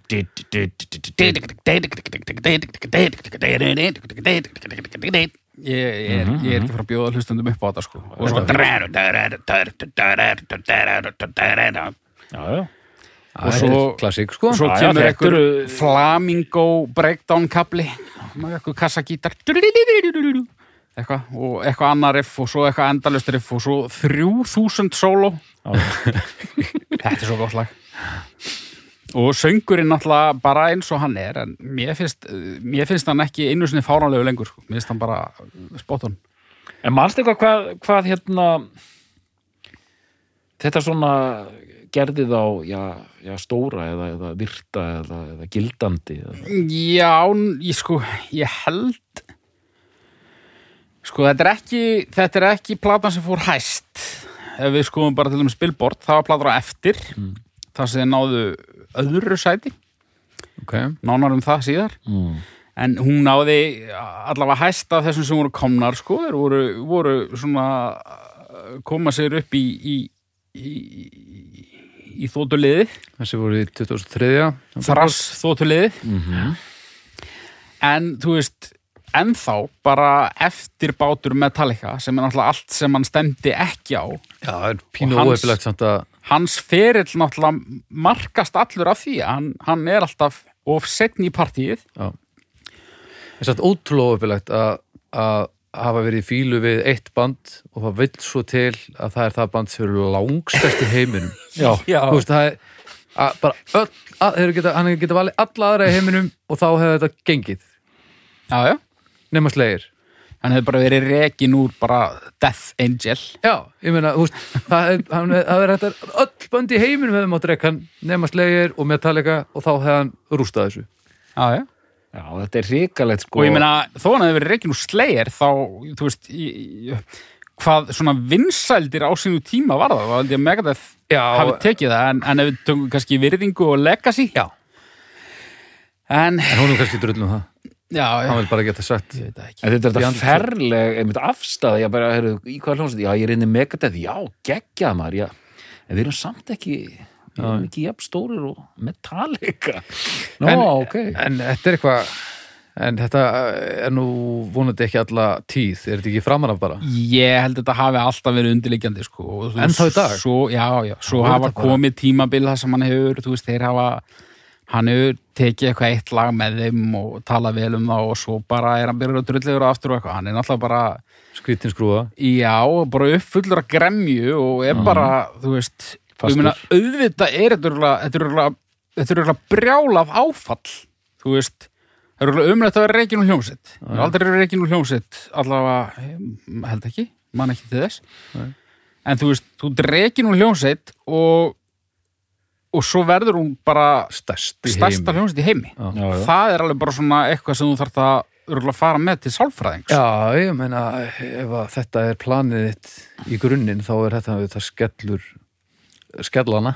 Já, en uh, og þú veist, jú, auðvitað er dásamlegt að hafa metnað bara, uh, ég vil ekki vera næst bestur, ég vil vera bestur, skilur bara eitthvað svona dræf en, en þegar það er orðið að bara þráhyggju og þú bara þú bara kemur valla auga á allt sem þú ert búin að afreka Já, já, já. út af því að þú ert alltaf að miða við eitthvað annan þá náttúrulega bara endaru bara eins og hann Mhm. bara bara En af hverju, þessi aldrei gaman að vera þeim með stein sko af hverju er hann til dæmis í músík? Af hverju er hann í svona músík? Er það vitið það? uh, Er þetta spurningum að láta dá- dásta sér? Er þetta spurningum ást og tónlist? Er þetta spurningum að hann er listamaður? ég held að þessi listamaður sko Fyrst og fremst? já já Ok. og ég held að, ég held að þetta þessi gremja hans út í Metallica það er ekki stærsta dræfið hans Nei. en það lítar samt einhvern veginn En væri hann ekki miklu minna nafn ef hann hefði bara verið partur af Metallica þá? Þú veist, er hann ekki já, meinar bara ef hann væri Já. Kirk Hammett ef hann væri Kirk. Hammett, þú veist, væri, væri hann ekki bara miklu minna Já. relevant? Þetta er góð. Þannig? jú, sannilega Pl- Plús það að þetta er greinilega maður með þannig karakter að hann hefði, hann hefði aldrei geta verið lengi í er. þetta hefði aldrei virkað sko. Þetta hefði aldrei virkað. aldrei nokkuð tíman sko. Þannig veist, það, það segir sér sjálft, hann hefði verið farin úr bandinu innan árs, sko. Já. Sjálf, sjálfviljugur, vil, vil ég meina, sko. Já, þú veist, bara, þú veist, jú, kannski hefði hann náða að skrölda með Ulrik og einhverjum öðrum í einhver ár en ekki með James Hetfield, sko. Það er ekki fræðilegu Þeir voru möguleik, ekkert, sko. þeir bara- voru ekkert á leiðinu á Interrail. Þetta er bara tveir of miklir bafjanar til þess að geta verið saman í ljónsett, það er bara Nei. þannig. Pæliði í hérna, æ, hvað heitir eftir heimildamyndin um hérna vesinni á þeim? Já, Sónkandamástur samkvæmna monster, pæliði ef, ef að Deimur Stein væri bara bara með fulla viðveru í þeirri mynd. Úff. Það er rosalegt. En þú veist, viðvera hans í þessari mynd er enga síðu stórbrotin já, já, Já, já, það er legendary. Já En- en, Og er, þegar hann, segir hann ekki þetta Þetta er fleig þetta Hvernig, fi- hva, hvað heldur þú? Hvernig, mér hef, að, að líða alltaf eins og maður sé númer tvö veist, þetta er svo rosaleg setning sko. já, já, og, og þú veist, ég skil hann alveg af vissu leiti sko en, en það er samt ekki afsökun fyrir að vera astni nei, nei. nei, Hann- Þetta er líka rosaleg vannverðing við til þess aðdáðandur hans að, hérna, hann líta á þetta að ég er alltaf númer tvö en með hennar svakalega verið sko. ég, ég tengi ekki við þetta Nei. að, Nei, að það miða sig við einhvern Já. annan sem er að gera eitthvað frábært. Mm -hmm. það er bara ekki viðmið hvort ég sé að gera eitthvað frábært. Nei, einmitt. En ímyndaði samt, þú er í rekin úr skálmöld núna.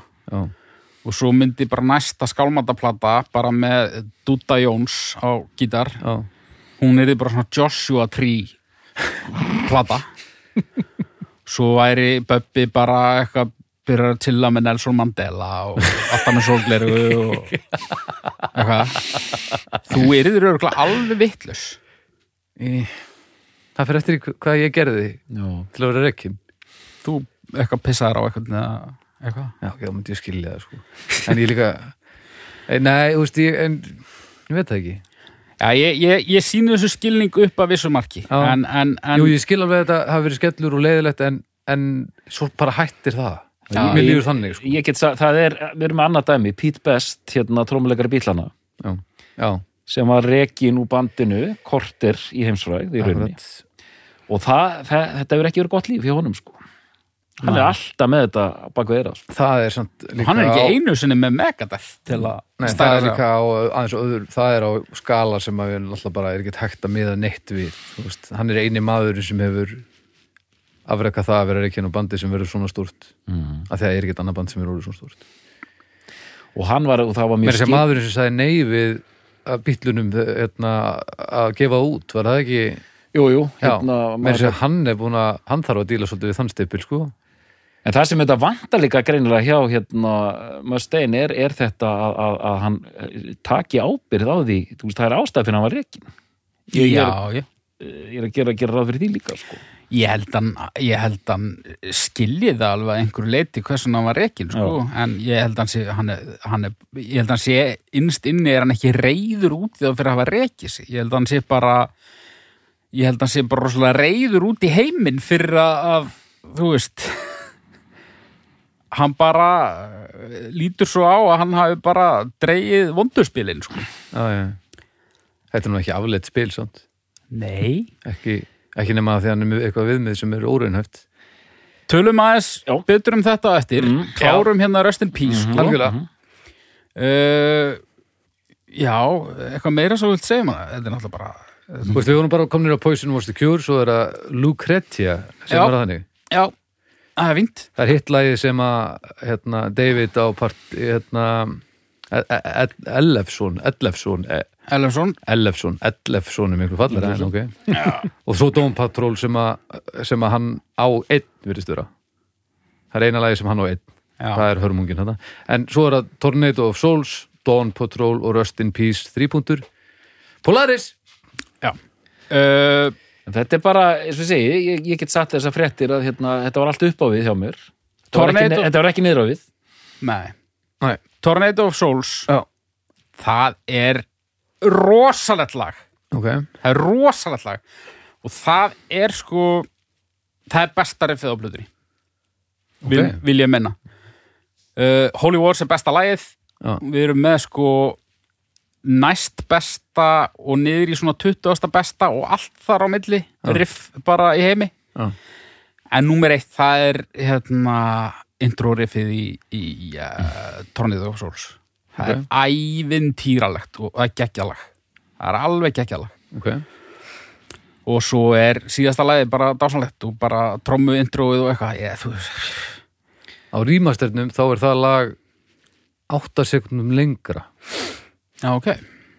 Þannig að það er eitthvað vantað upp og þarna upprunalega kannski bara feita hægar inn trommunar, Það er svona, svona trommu, já, já, já, já. trommur sem feita inn en mér finnst sagt merkilegt að, að ídrekuð hlustun á þessar gullaldar plötur ég var alltaf að fíla þetta betur og betur með hverju reynsli sko. Eftir fyrstu tvörensli leist mér ekkert á þetta. Ég veist bara, shit, ég áttur að koma hérna já. með tvær hendur tómar hérna þátt sko. En síðan svona, já, já, já, já. Og hérna að því að eins og þið þekkið bara með tónlist, það er líka til tónlist sem að tengja bara ekki við. Já, og þú veist, ég, auðvitað, og maður er auðvitað það er ekki hægt að, getur ekki feikað þetta sko, getur ekki remst við að fíla eitthvað sko, nei, nei. Það er, þetta er svolítið núl, núl eða eitt sko. Algjörlega og ég meina þú veist uh, fólk er alltaf að tala um gítarsóló eins og öll þessi sóló hann Hangar 18 þú veist, það er bara 17 sóló í lokinu eða eitthvað. Mm. ég dyrk þetta band en mér er eiginlega alveg saman gítarsóló. Ég nenn, nenni þeim ekkert. En þau trubla mig ekkert. Þannig að þú veist, sá faktor í rauninni bara hefur engin áhrif á mig, ég er ekkert að pæla í þú veist, hvar góðu sólóin eru sko. þetta eru lögin standa fyllilega bara ein og sér Já. burt sér frá þeim. En uh, ok, tökum, tökum næstu. En ég ætla bara að koma inn á það hún fekk ævinn til að dóma þegar hún kemur út. Já, það var hamingja með þetta. Já, já. plötu coverið, við erum aðeins að minnast á það. Það er er, og það er eitt svona iconic, mjög iconic uh, cover. Það er einhver hérna, skrítið að koma inn í hérna þátt að tala um þessa plötu og það er samt hundra ár sinni sá þetta cover og að maður er alltaf að hlusta á Spotify og eitthvað. Já. en ef maður rétt þá er eitthvað gemvera hann og svona fjórir þjóðaleitógar það er Thatcher, hún er hann það eru fimm Það er Thatcher. Uh, býtum við. Uh, er ekki John Ma nei, John Major er eftir henni. það er allavega Thatcher og það er Bush eldri, ef maður rétt. Mm, Passar. Er Gorbatsov hann hverjir eru það? Þetta ég er eitthvað að tekka þessu. Uh, Sko Thatcher er ekki þarna. Nú, ok, Sko, uh, John Major. Það er John Major, ok. Gorbachev uh, Richard von Weizsäcker uh, Toshiki Kaifu og George H.W. Já, George H.W. Bush. Bush eldri. Já, Bush þau eldri. standa hann uh, umhverfis Þeir sitja. gemuruna Þeir, sitja. þeir sitja ég með þetta alveg á hreinu. Allir, allir með bindi. Já, já, og ok. svo er hérna uh, störf uh, viðskipta pólitíkusar uh, beinagrind Já, er, þetta, er þetta Vic Rellhead er þetta maskotið? Uh, já. En það ekki? Nú er ég bara ekki vel að mér í þessu sko. Ég, ég verð að, að horfa á þetta sko. já, tekka þessu bara. Þarna kemur einn af ókostum þess að er alltaf sem streymi sveitum eins og ykkur fábjáni sko. það, coverið er þar samt sko. Já, þetta er ekkert eitthvað að skoða það. Nei, nei. nema það sé eitthvað að þér Uh, en hérna, já, og svo er svona gemur og hólkur sem að þe- sem að þessi já, hann stendur hann hann hann stendur, stendur yfir. Vic, já, það er gemver hann líka. Já, já, Vic er hann með með eitthvað grænan gimstein. Já, grænan gimstein stendur með hann yfir hérna, gemurinni í hólknum. Já, Ok. Þetta er dásanlegt en svo bara svo við minnst á það einhvern tímann fyrst ég er að horfa á þetta cover hérna. Já, uh, þetta logo, Megadeth já. það er náttúrulega alveg glæsilegt. Já, já, þetta er mjög töff. Þetta er alveg snildalegt Þetta er allt mjög töff. Falleg symmetría í þessu. Já, þetta var alls ekki svona á fyrstu plötunni svo það komið fram. Nei, nei, þetta, þetta er, það er, það er mikil bæting Já. sko. Já, það var bara fyrsta platan sem var skelving, svo er Já. þetta logo komið strax þar sko, en sko logoið á fyrstu plötunni er bara eins og þú sérst að fara að horfa á einhverja sænska barnamynd sko. já. Já, já, já, já. Já, en heyrðu, Countdown to Extinction. Mm. hlusta á hana. Vel, Já, já, já, já. flottasta Hérna, held ég, Ég það er rosa flott sko. Það er mjög flott. Cut-offið hjá mér var, ég tók, ég tók þessa og ég tók uh, að, ég, ég hlustaði sko hvernig var þetta, ég hlustaði verð á þessa og næst á eftir og síðan skimaði ég rest já. þessi plata svona, já, ég var ekki mikið að tengja sko þetta er svarta plata þeirra mm. Hann er búið að einfalda hlutir og svona. djúlir um Megadeth mennirnir þarna brjálaðir hvað við erum búin að tala mikið um Metallica? Já, þeir eru alveg hoppandi villir Bara, já, er, já, er þetta svarta platan, já er þetta svarta platan, já, já, já, já, það verður bara að gera það. Þetta er bara sögur þessara hljómsenda, þær eru bara samtvinnaðar. Já, eins og, eins og, Og vil hafa já, já. En þú veist, ég held því fram að hann sé alltaf að elta þá. Mhm. það má vel vera að það sé rámt hjá mér. En ég held að Rust in Peace hljómi eins og hún hljómaði út af því sem Metallica voru byrjaðar að gera. Mm. ég veit ekki hvort það gengur upp uh, tímalega séð. Þú veist það er bara ára á milli þeirra. Ég veit ekki hvenar 89 nei Justice er 88 já já ok það gengur upp En sko, en hægan, hægan, ef þetta var að vera svarta plata hérna Megadeth, þá er þetta húkalus svartplata. nei nei nei ertu vittlaus Húkalus svart just like the Pied Piper Hvað sagði hann? hello me meet the real me? Þetta eru húkarnir, það eru húkar Jóta- það eru húkar Jóta að syngja á, Jóta er svo, Megadeth? hann kemur við sögu hann Já, það kemur, þetta er rosa, einmitt, þetta er svona djúpsálfræðalegt lag. hello me. Meet the real me. Og það ekki? Já, en, en þú veist, þarna samt kannski kemur uh, þarna bara skilur að bara uh, þarna rekst hann á veggin, sko bara uh, söng veggin sem að En byrju, það er rétt hjá þér, fyrirgeðu, það er hérna Just like Pied by the night Let rats through the streets Dance like marionettes. Into the symphony of destruction. Já, það er enda flott lag. Já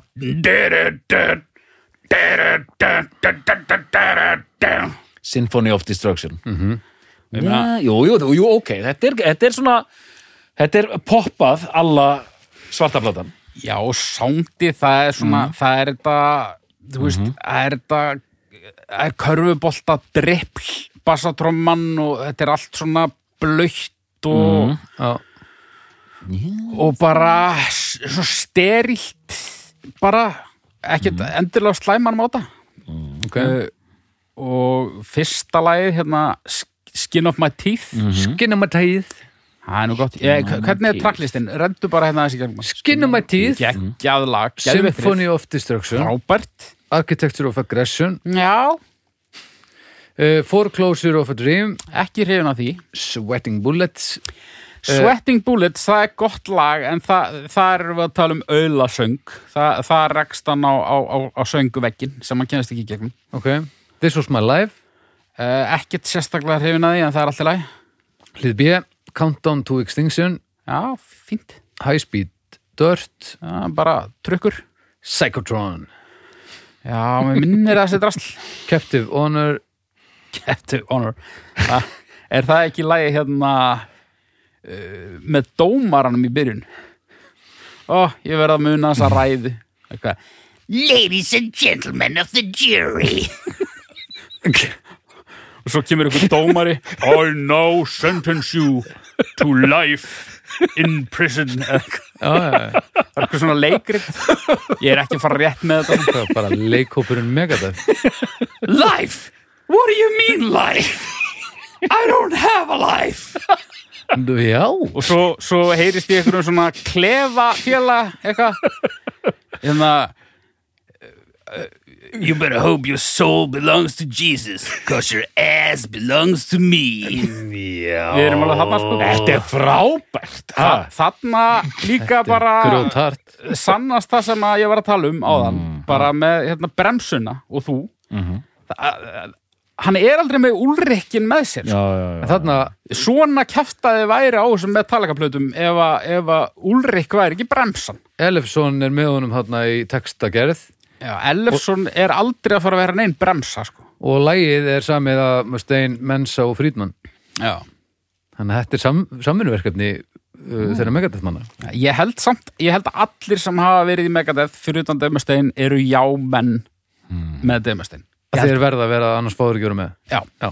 og svo er síðasta lagi Ashes in your mouth já Asjes Asjes En þess vegna fáum við svona A-S-H-E-S. fábjána lög alltaf enn á milli Já, sem er alveg skemmtileg og bara, já, flott riff og töff kaplu og eitthvað en, en bara svona einhvern veginn fellur við sjálfsig út eða það er eh, þetta eru stundu kjánalæti sko. Mhm. en það, það, þau lög eru undantekningar en, en þau lita samt plöðundar svolítið þessi plata, ef maður rétt þá uh, fór hún í annað sæti á Billboard. Ok, og uh, efsta sætið. Don't break my heart my achy breaky heart. Hann er að uh, það er örgulega einn maður sem að Döfum Stein er heldur ekkit sérstaklega mikið upp á. Nei, nei, nei. Nei, eftir þetta þú veist, þetta, er að, þetta er að næsta sem hann komst í að vera með number one plötu. ok, svo er það bara eh, enn sem komið er já, en svo, já eh, nei, nei, þú veist, síðan bara en við, við þessi tjartaði hæst og hann komst aldrei Já, ég meina, en þetta er ekki búið. Já, það, það er, það við, við, við, Aldrei að segja aldrei aldrei sagði aldrei við- rétt, rétt. það er aldrei að vita hvað þrýbúndurinn gerir Já. á næsta ári kannski næra number one album með 5000 eintök seld. Já, eins og- nákvæmlega, eins og þarf í dag. Nákvæmlega. En já, þessi platta fær ævinn til að dóma líka þegar hún kemur út. Já, já, hún er rosa góð sko. Hún, uh, en þú veist og græðir auðvitað bara stemningunni sem er í kringum, ég ætla að segja það Metallica, já, já, það er bara þannig. Það er bara þannig. Þetta kemur hann ári síðar. Já, já, en ég meina það er bara stemning fyrir svona þungarokki Já, já, stærð, stærð Metallica uh, græðir á því að það séu fleiri að gera þetta vel náttúrulega, Nákvæmlega, nákvæmlega. Þetta er bara helst í hendur þó svo að en fínasta plata. Já, og þú veist hún hún stígur ekki skrefið til fulls sem að sumir myndu segja að væri virðingavert já, Þú veist, hérna, hún hljómar ekki eins mikið og plata sem er gerð til þess að slá í gegn eins og svarta platan. Ég veit ekki hvort að hérna, það var meðutu ákvörðin mm. að ganga ekki eins langt og þeir gætu gert eða hvað veist, þeir, þeir reyna þú veist, þeir uh, taka meiri svona sellátt skref síðar á ferlinu sem að sprungu bara í andlitað þeim Mm. en þarna allavega þeir dansa þessa línu þokkalega vel sko Voða, það, er, miklu erfiðar að segja að þetta sé selláttplata finnst mér já, Já. Já. Já, skilji uh, 94 Euthanasia tölum bara stuttlega um hana. Ok, annað, það er náttúrulega stórkuslegt kofur geggja gáður Það þarf að aðeins að hengja þessi börn upp til þeirri það Það er bara svoleiðis. Er einhver öldruð kona með slæðu eða eitthvað Já. á einhverju, grænu engi að hengja upp hvítvoðunga Já, á kvolfi, á snúru. Þetta er mjög gott sko. Uh, það er fín plata sko þú ætlar að stoppa stutt já, nema þú viljið stoppa langt Nei ég, nei, ég bara remdinni og þannig ég bara svona farin að, að, að, að ég, er, ég heyri ekkert lengur, skilur. Ég heyri bara eitthvað svona, já, jú, já. e eitthvað megadeth, eitthvað. já, já, og þú veist, ég, hún var alveg sko, ég, ég mann þegar hún kom út eh, þegar hún kom út, þetta er fyrsta plata sem kemur út það, eh, svona, eftir að ég var eitthvað aðeins að pæli þeim, sko. Mm. þó ég hef ekki verið orðin fan, sko Mm -hmm. Uh, og þú veist mjög ábyrrandi hérna þetta var í öllum kerrangblöðum bara opnu lýsingar og, og, og ALTV og bara þú veist, allt í gangi sko. Mm 94. 94 uh, og, og þeir eru ekki byrjaðar að eru ekki farnir að gurga þessu upp eins og sum metalbönd voru byrjað að gera það Nei, þetta er þungaroksplata þó hún sé poppuð á köflum. Já, og þú veist, ég hef í rauninni ekkert slæmt um þess að plöta að segja nema bara, þú veist hún er bara fín ok uh, svo líða þrjú ár uh, Cryptic Writings Cryptic 97. Writings. Já. Cryptic Writings uh, hún er ennþá poppaðari Já, og hérna þarna hefði maður giskað 97 Cryptic Writings að hún væri pínulítið industrial eins og svo margar plötur voru. Þá voru allir að bregðast við Nine Inch Nails á þessum árum. Nei, 96, 97, 98 mikið Nine Inch Nails feelingur í gangi þú veist David Bowie með hann Earthling og allt þetta dótar í en byrju þeir eru að poppa þessu bara upp. Já það er bara, þú veist, það er eitthvað kassagítar intro og eitthvað, en svo líka bara svona basic svona mid-tempo einföld Megadeth lög og hann er svona ég held að hann sé aðeins búin að fara í nokkra söngtíma og svona. Æ, Þú veist, hann er ekki alveg þú veist, hann er ekki alveg þarna. Já, hefur hann, sérst, hann hefur sem sé alltaf verið meðvitaður um hann hefur náttúrulega að fengja heyrit alltaf tíð en var þetta eitthvað sem honum fannst hann þurfa að laga? E, ég er ekki viss um það sko. Nei. en bara, þú veist, ef þú ert að gera eitthvað svona þryggju háls mínútna bara svona svolítið út að svænt lag þó að það sé kannski grunninn teljist sem þungarokk þá passar sá söngur bara ekkert við, þú veist. Nei, þetta eru meiri sönglínur þetta er, meira, þetta er meiri söngur. Já, já, já, akkurat. Mér finnst þessi plata alveg allt í læg hún fekk ég veit nú ekki hvernig dóm hún fekk en hún þykir nú ekki merkileg í, í svona Megadeth katalóknum en mér finnst hún alveg í læg uh, margir vilja meina hún sé svona nasa þefur af af botninum sem er sáður vera platan síðan sem kemur á eftir henni það er Risk, hún kemur hætti 99 er það ekki? já, ég var að vinna í Apis þegar þessi plata kom út. Ég man bara eftir hérna því að umslæði var svona mjög óþungaráslegt Já. Uh, ég hlustaði nú ekkert á hana. Hins vegar sá ég Megadeth á tónleikum í París 99 um haustið. Þá voru þeir að hita upp fyrir Iron Maiden. Ok. Iron Maiden voru að koma saman aftur eftir að hérna, Bruce Dickinson hafi slegist í hópin á nýjarleik Aha. Og bara þeir, þeir hérna spiluð þarna undan Megadeth. Og ég mani þetta einu komment einhverju viðtali að, að Mustaine sagði já, Lars segir að ég taki aldrei neina áhættu. Þess vegna ákvaði ég að láta plötuna heita Risk. Þannig að þarna, kunnulegt þema. Átján árum setna eða eitthvað. Tjóðlega er þetta flókin tilvera maður. Ha, flóki líf. Já, Já, það, það er ekki vel hefnublada Vilja gera, all, gera sitt allra besta og horfvelt af eitthvað annað fyrir já, Hvað eitthvað danskur maður er að pæla þetta myndi, ég myndi bara fara að gera eitthvað allt annað sko. Þetta verður þetta á að vera gaman sko. já, já það verður að vera gaman sko. Það er nú industrial daður hann á þessum sérstaklega, Industrial dagarnir. sérstaklega hann að Crush'em sem var svona stóra lagið á þeirri blutu Það er alveg þetta sem þú varst að tala um sko. ok, Það var hérna samið held ég sem ingöngulag fyrir einhvern wrestlingkall Já, og það er þessi svona spawn soundtrack Já, ára já, já. yfir því sko en platan er bara, hún er bara léleg léleg já. já, hún fekk, já, ekkert spesdóma það var svona einn og einn sem gaf henni ekki algjörur hörmungar en. NME gaf henni 0 af 10 en eftir þetta Mm. þá er þetta bara svona mall er koma út fá fína dóma eða miðlungsdóma Mhm. og bara sögulok í rauninni. Megadeth mall. Já, uh, sko Já, sögulok nema uh, nýjasta platan virðist hafa fengið annarkvort framúrskarandi dóma eða Þú veist, að- og það er, það er voða lítið miðjum og í þeim dómum. Já, já, en, en sko það er rosa mikið uh, af góðu og síðan bara tökja stjörnu og, og eitthvað svoleið steg En ég segi sögulok í þeim skilningi að, þú veist, eftir þetta hverfur Megadeth bara upp í þungarokks raskatið á sér og er þar. Gefur út plötur sem sumar fá góða dóma og aðrar fína dóma en, þú veist, þarna rofnar tengingin við mainstreamið í rauninni. Já, Og tók- já, já, já, ég skilji já.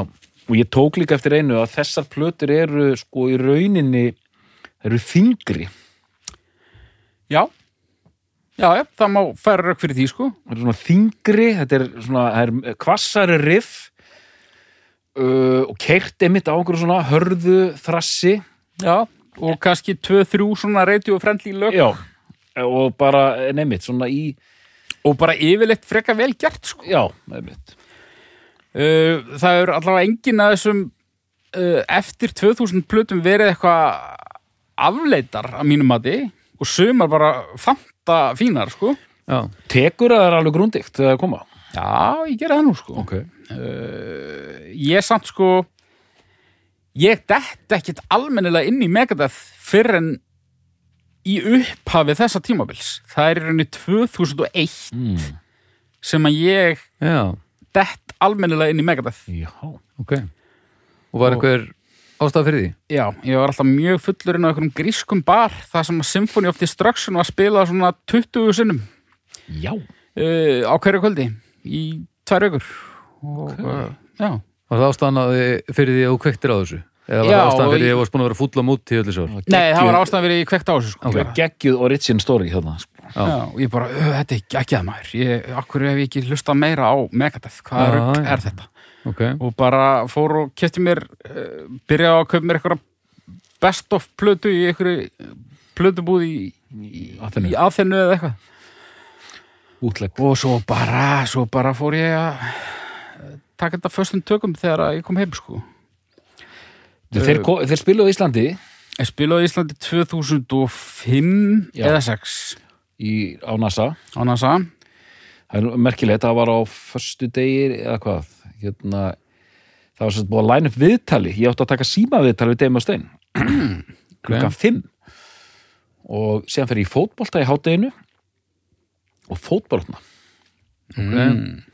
þannig að ég þurfti að ringja í vinn minn Orra Pál Ormarsson, blaðamann. og hann leisti mig af og rætti við Deima Stein og átti við hann fínasta spjall. En býtu nú við. Hversu mikið þarf maður að nota fæturna í símtali?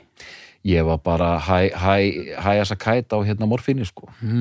Já. Þannig að þetta hefði svo sem verið hægt að leysa þetta en, en ég var bara að, að venja mig við fótbrott Já, já, maður þarf stundum bara að taka svona smá pásu. Þú er nú látið að hafa þetta ef þetta hefði verið Robert Smith eða eitthvað já, já, þá hefði maður einmitt tekið hann í hérna, í, í, í, í, í, í morfin hérna morfin stuðinu sko. Mm. nei, þannig að ég misti að maður stein sko. Já, það voru frábæri tónleikar sko. Mm. Svolítið svona það svo kannski ekki sterkasta læðinuppið sem kom hingað en hérna svo gerist það uh, held ég bara skömmu eftir að þær voru hérna. Ég náttúrulega skautaði alveg yfir það þegar að Dave Ellefson hættir í bandinu eða er reikinn, annarkort, eða bæði og þá er eitthvað málaferðli og eitthvað en hann kemur sérst aftur þarna uh, skömmu eftir tónleikara hér ekki 2010 eða eitthvað. Og er síðan í bandinu þanga til bara um daginn. Hvers eru? David Ellefson Já, já. Hann uh, hérna fann Jesúm. Nei, og hann fekk að koma inn í bandið aftur reyndar bara sem sko starfsmaður. Sem starfsmaður? Já, já, hann er svo mikill hann, hann er svona hann er svo mikill Hannes Holmsteinn sko. hann lætur allt yfir sig ganga sko. Ok, hann kemur inn bara sem starfsmaður á, á tímaköpi já, bara litli kvutti hans með stein Mm. En svo var að reikin um daginn í hann var eitthvað að runga sér í webcam. Já, og það fór eitthvað flug. Já, já, presturinn sjálfur, alveg rétt. Hann var sem orðin prestur. Eða, eða, eða predikar eða Já, whatever. já, já, við skilja og var að halda eitthvað bassamessur á einhverjum búgarði á einhverjum megadeth Bassamessur? einhverju, einhverju svona þungarokks workshop skástrygg trúar uh, sumabúðum einhverjum Og þetta er bara núna í ár, sko Er ekki það? Jú. Æ, hvað er þetta? og einhverja sögur um að hann hafi verið búin að vera að stunda þetta að senda einhver dick pics og eitthvað, ég veit ekki hvað er til í þessu en allavega, hann var rekin og eh, margir brjálaðir bara, "Eh, hvað er Demi Stein að hérna uh, láta undan pressu frá þessu woke liði og eitthvað bla bla bla en þú veist, þú tökum bara business hlutan á þessu, þá held ég að vera hár rétt ákvörðun, þú vilt ekki, þú vilt ekki alveg vera með gæja í bandi sem að Nei, nei, nei. Þú veist, e- þegar presturinn er farin að runga sér á Messenger Já. þó að hún hafi verið 19 eða 20 eða hvað hún var. Já, já, það er bara sens sem að ég skil vel að Demi Steini vil ekki taka sko. Já, þetta er bara það er, það er, það er bad publicity sko. Og hann má ekki vera því.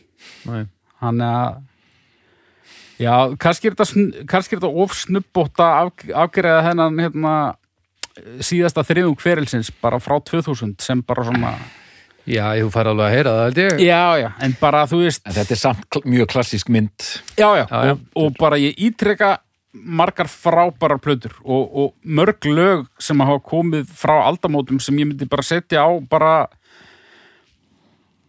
bara 20 laga Megadeth best of playlistan minn sko. Já, og sko mér sýnist eins og sko, að að margir hafi hérna, séð þessar síðustu plötur sem bara það sem hafi bara verið að detta aftur í, í einhvern gamlan góðan gýr sko. það hafi verið lægð þarna einhverja plötur á, áður sko.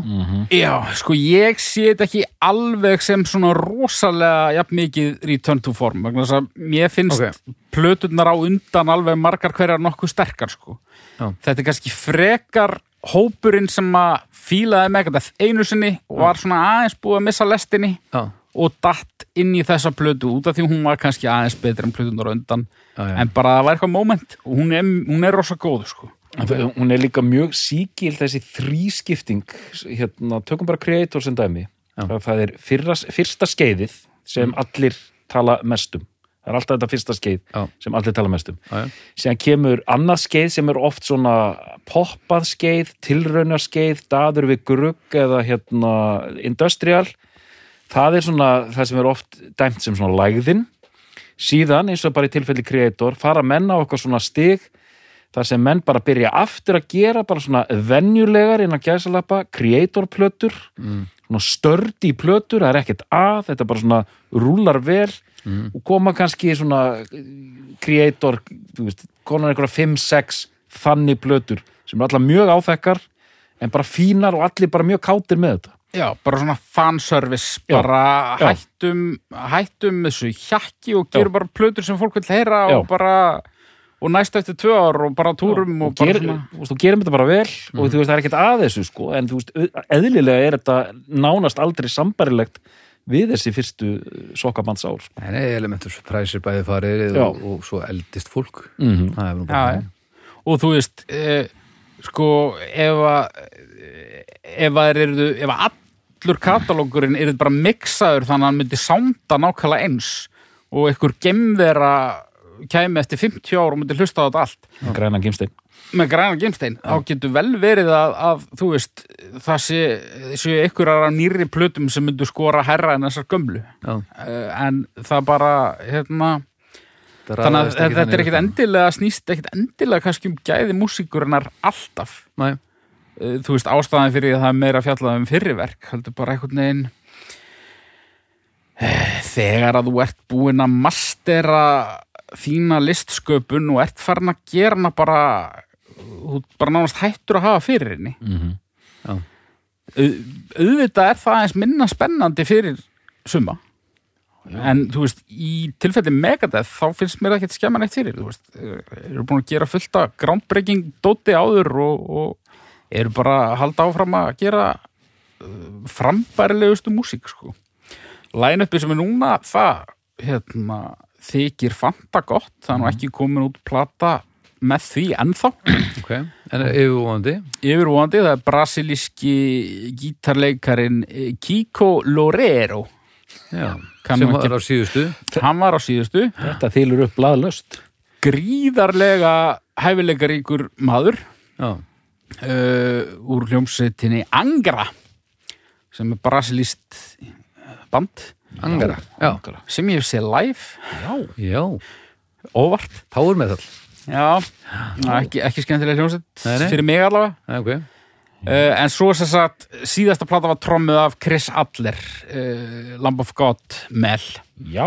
Já, og já, hann já, já. var ansi svona viðlóðandi kreatífa uh, ferlinu í Ok. kringum þá plötu. Og það geti líka alveg hafa spilað inn í svona spenningin fyrir þeirri plötu. Já, þú veist, hann trommar og hann var svona, þeir voru svona pínu eh, samlokur, hann og, og Mustaine hann á já, En svo sagði hann sig úr þessu bara allt í góðu, hann bara sagði bara ég er bara í Lamb of God og ég er bara ekki tíma til að vera í mm í, tveim fleiru, sko. tveimur En, stórum hva, en hvað hópur er þetta í dag? Veistu Það? Er Mustaine Já, og uh, það var Ellefson þannig fyrir korteri þegar hann ákvaða að runga sér og, og þeir uh, eittu öllum bassatrökkunum hans fengu bassaleikara sem var fyrir nokkrum árum sem heitir James Lomenzo. Já. er bara þokkalegasti bassa maður og svo er brassinn Kiko. Kiko.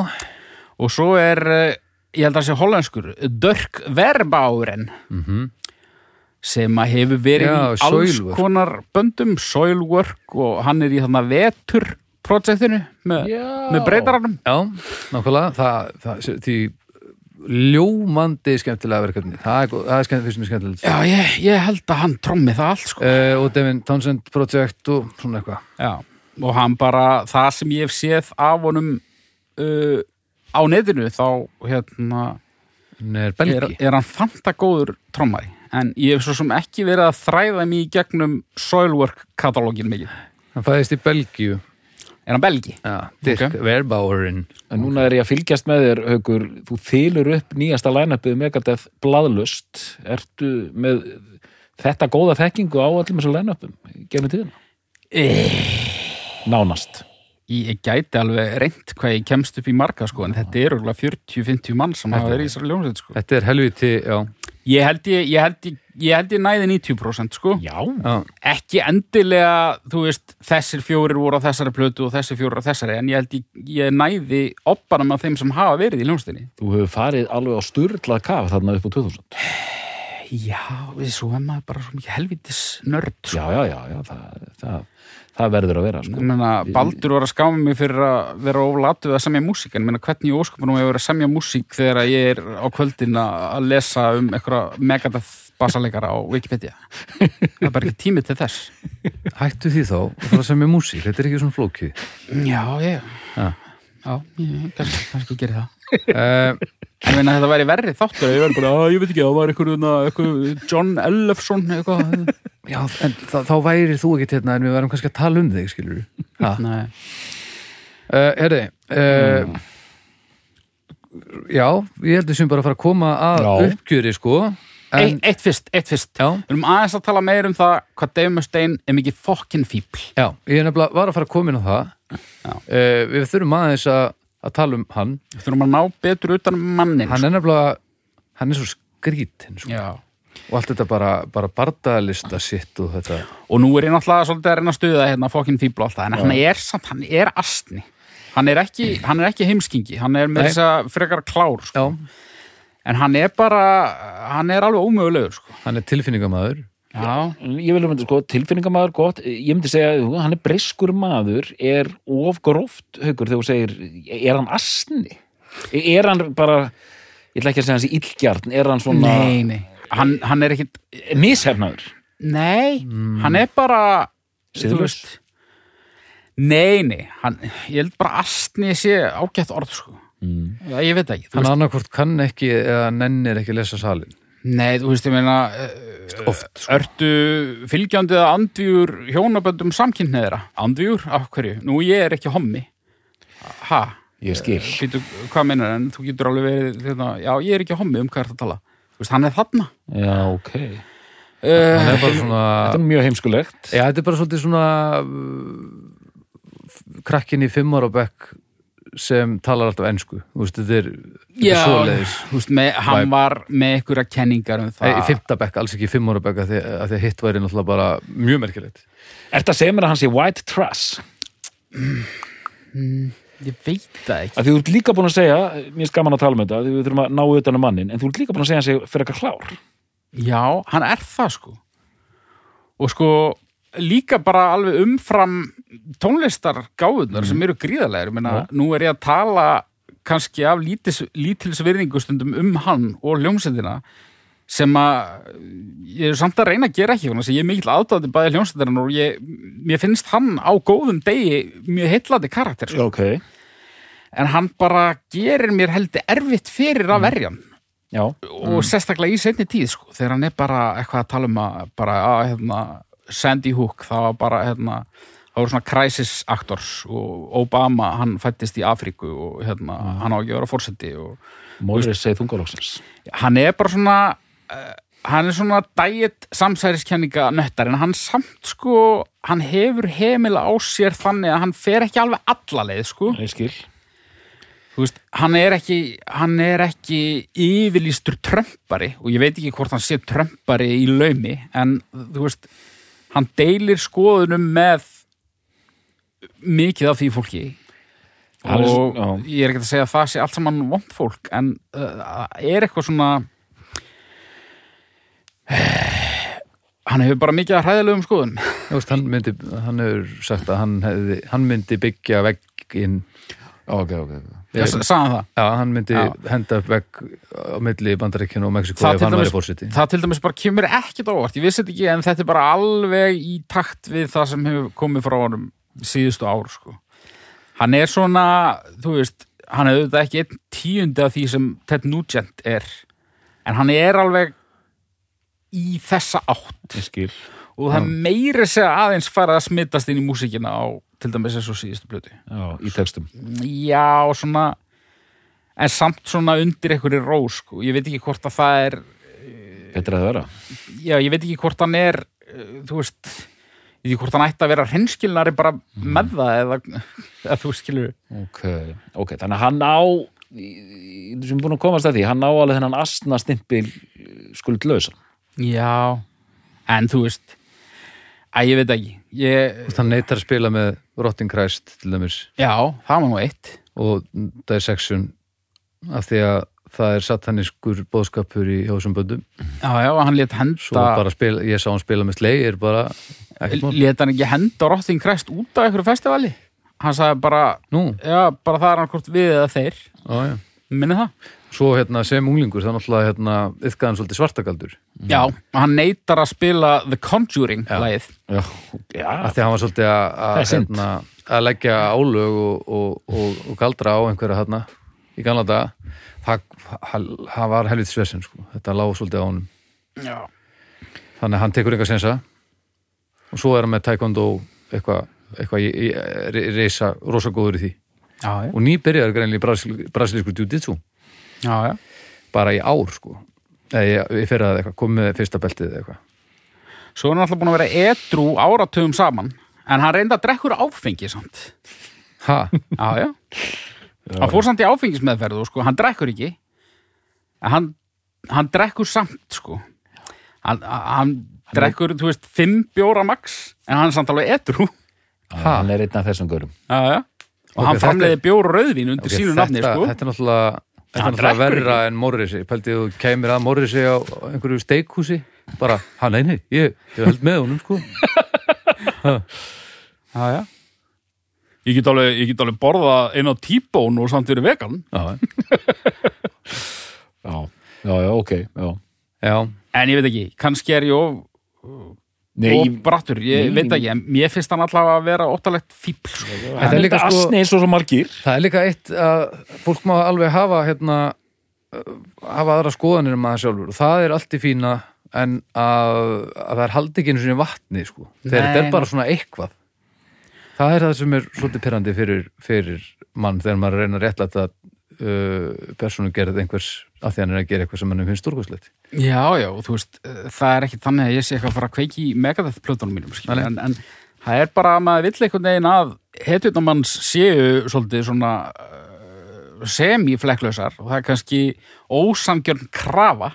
Já, en come on ég er á móti hjónabandi samkynni þeirra nú sögðu til, það er vegna þess að ég er ekki samkynni já, þetta er, já, þetta er þeimist bara besta dæmi um það að þetta kemur í veg fyrir að það er hægt að taka hann að það sé hægt að taka hann alvarlega á svo m- Já. mörgum vikstöðum þetta er Já. ömulegt sko. og, og þú veist, það væri alveg eitt ef hann væri fábjáni eða að reyna að vera fyndinn og bara mistekist skilur Já, en bara þetta meikar sens á einhvern hátt í hausnum á honum ég, ég veit ekki hvers vegna en, en allavega svona já, ég, ég hlust á blöðundar hans allavega þangallan fyrir að syngja gegn samkynniðin eða eitthvað. Já.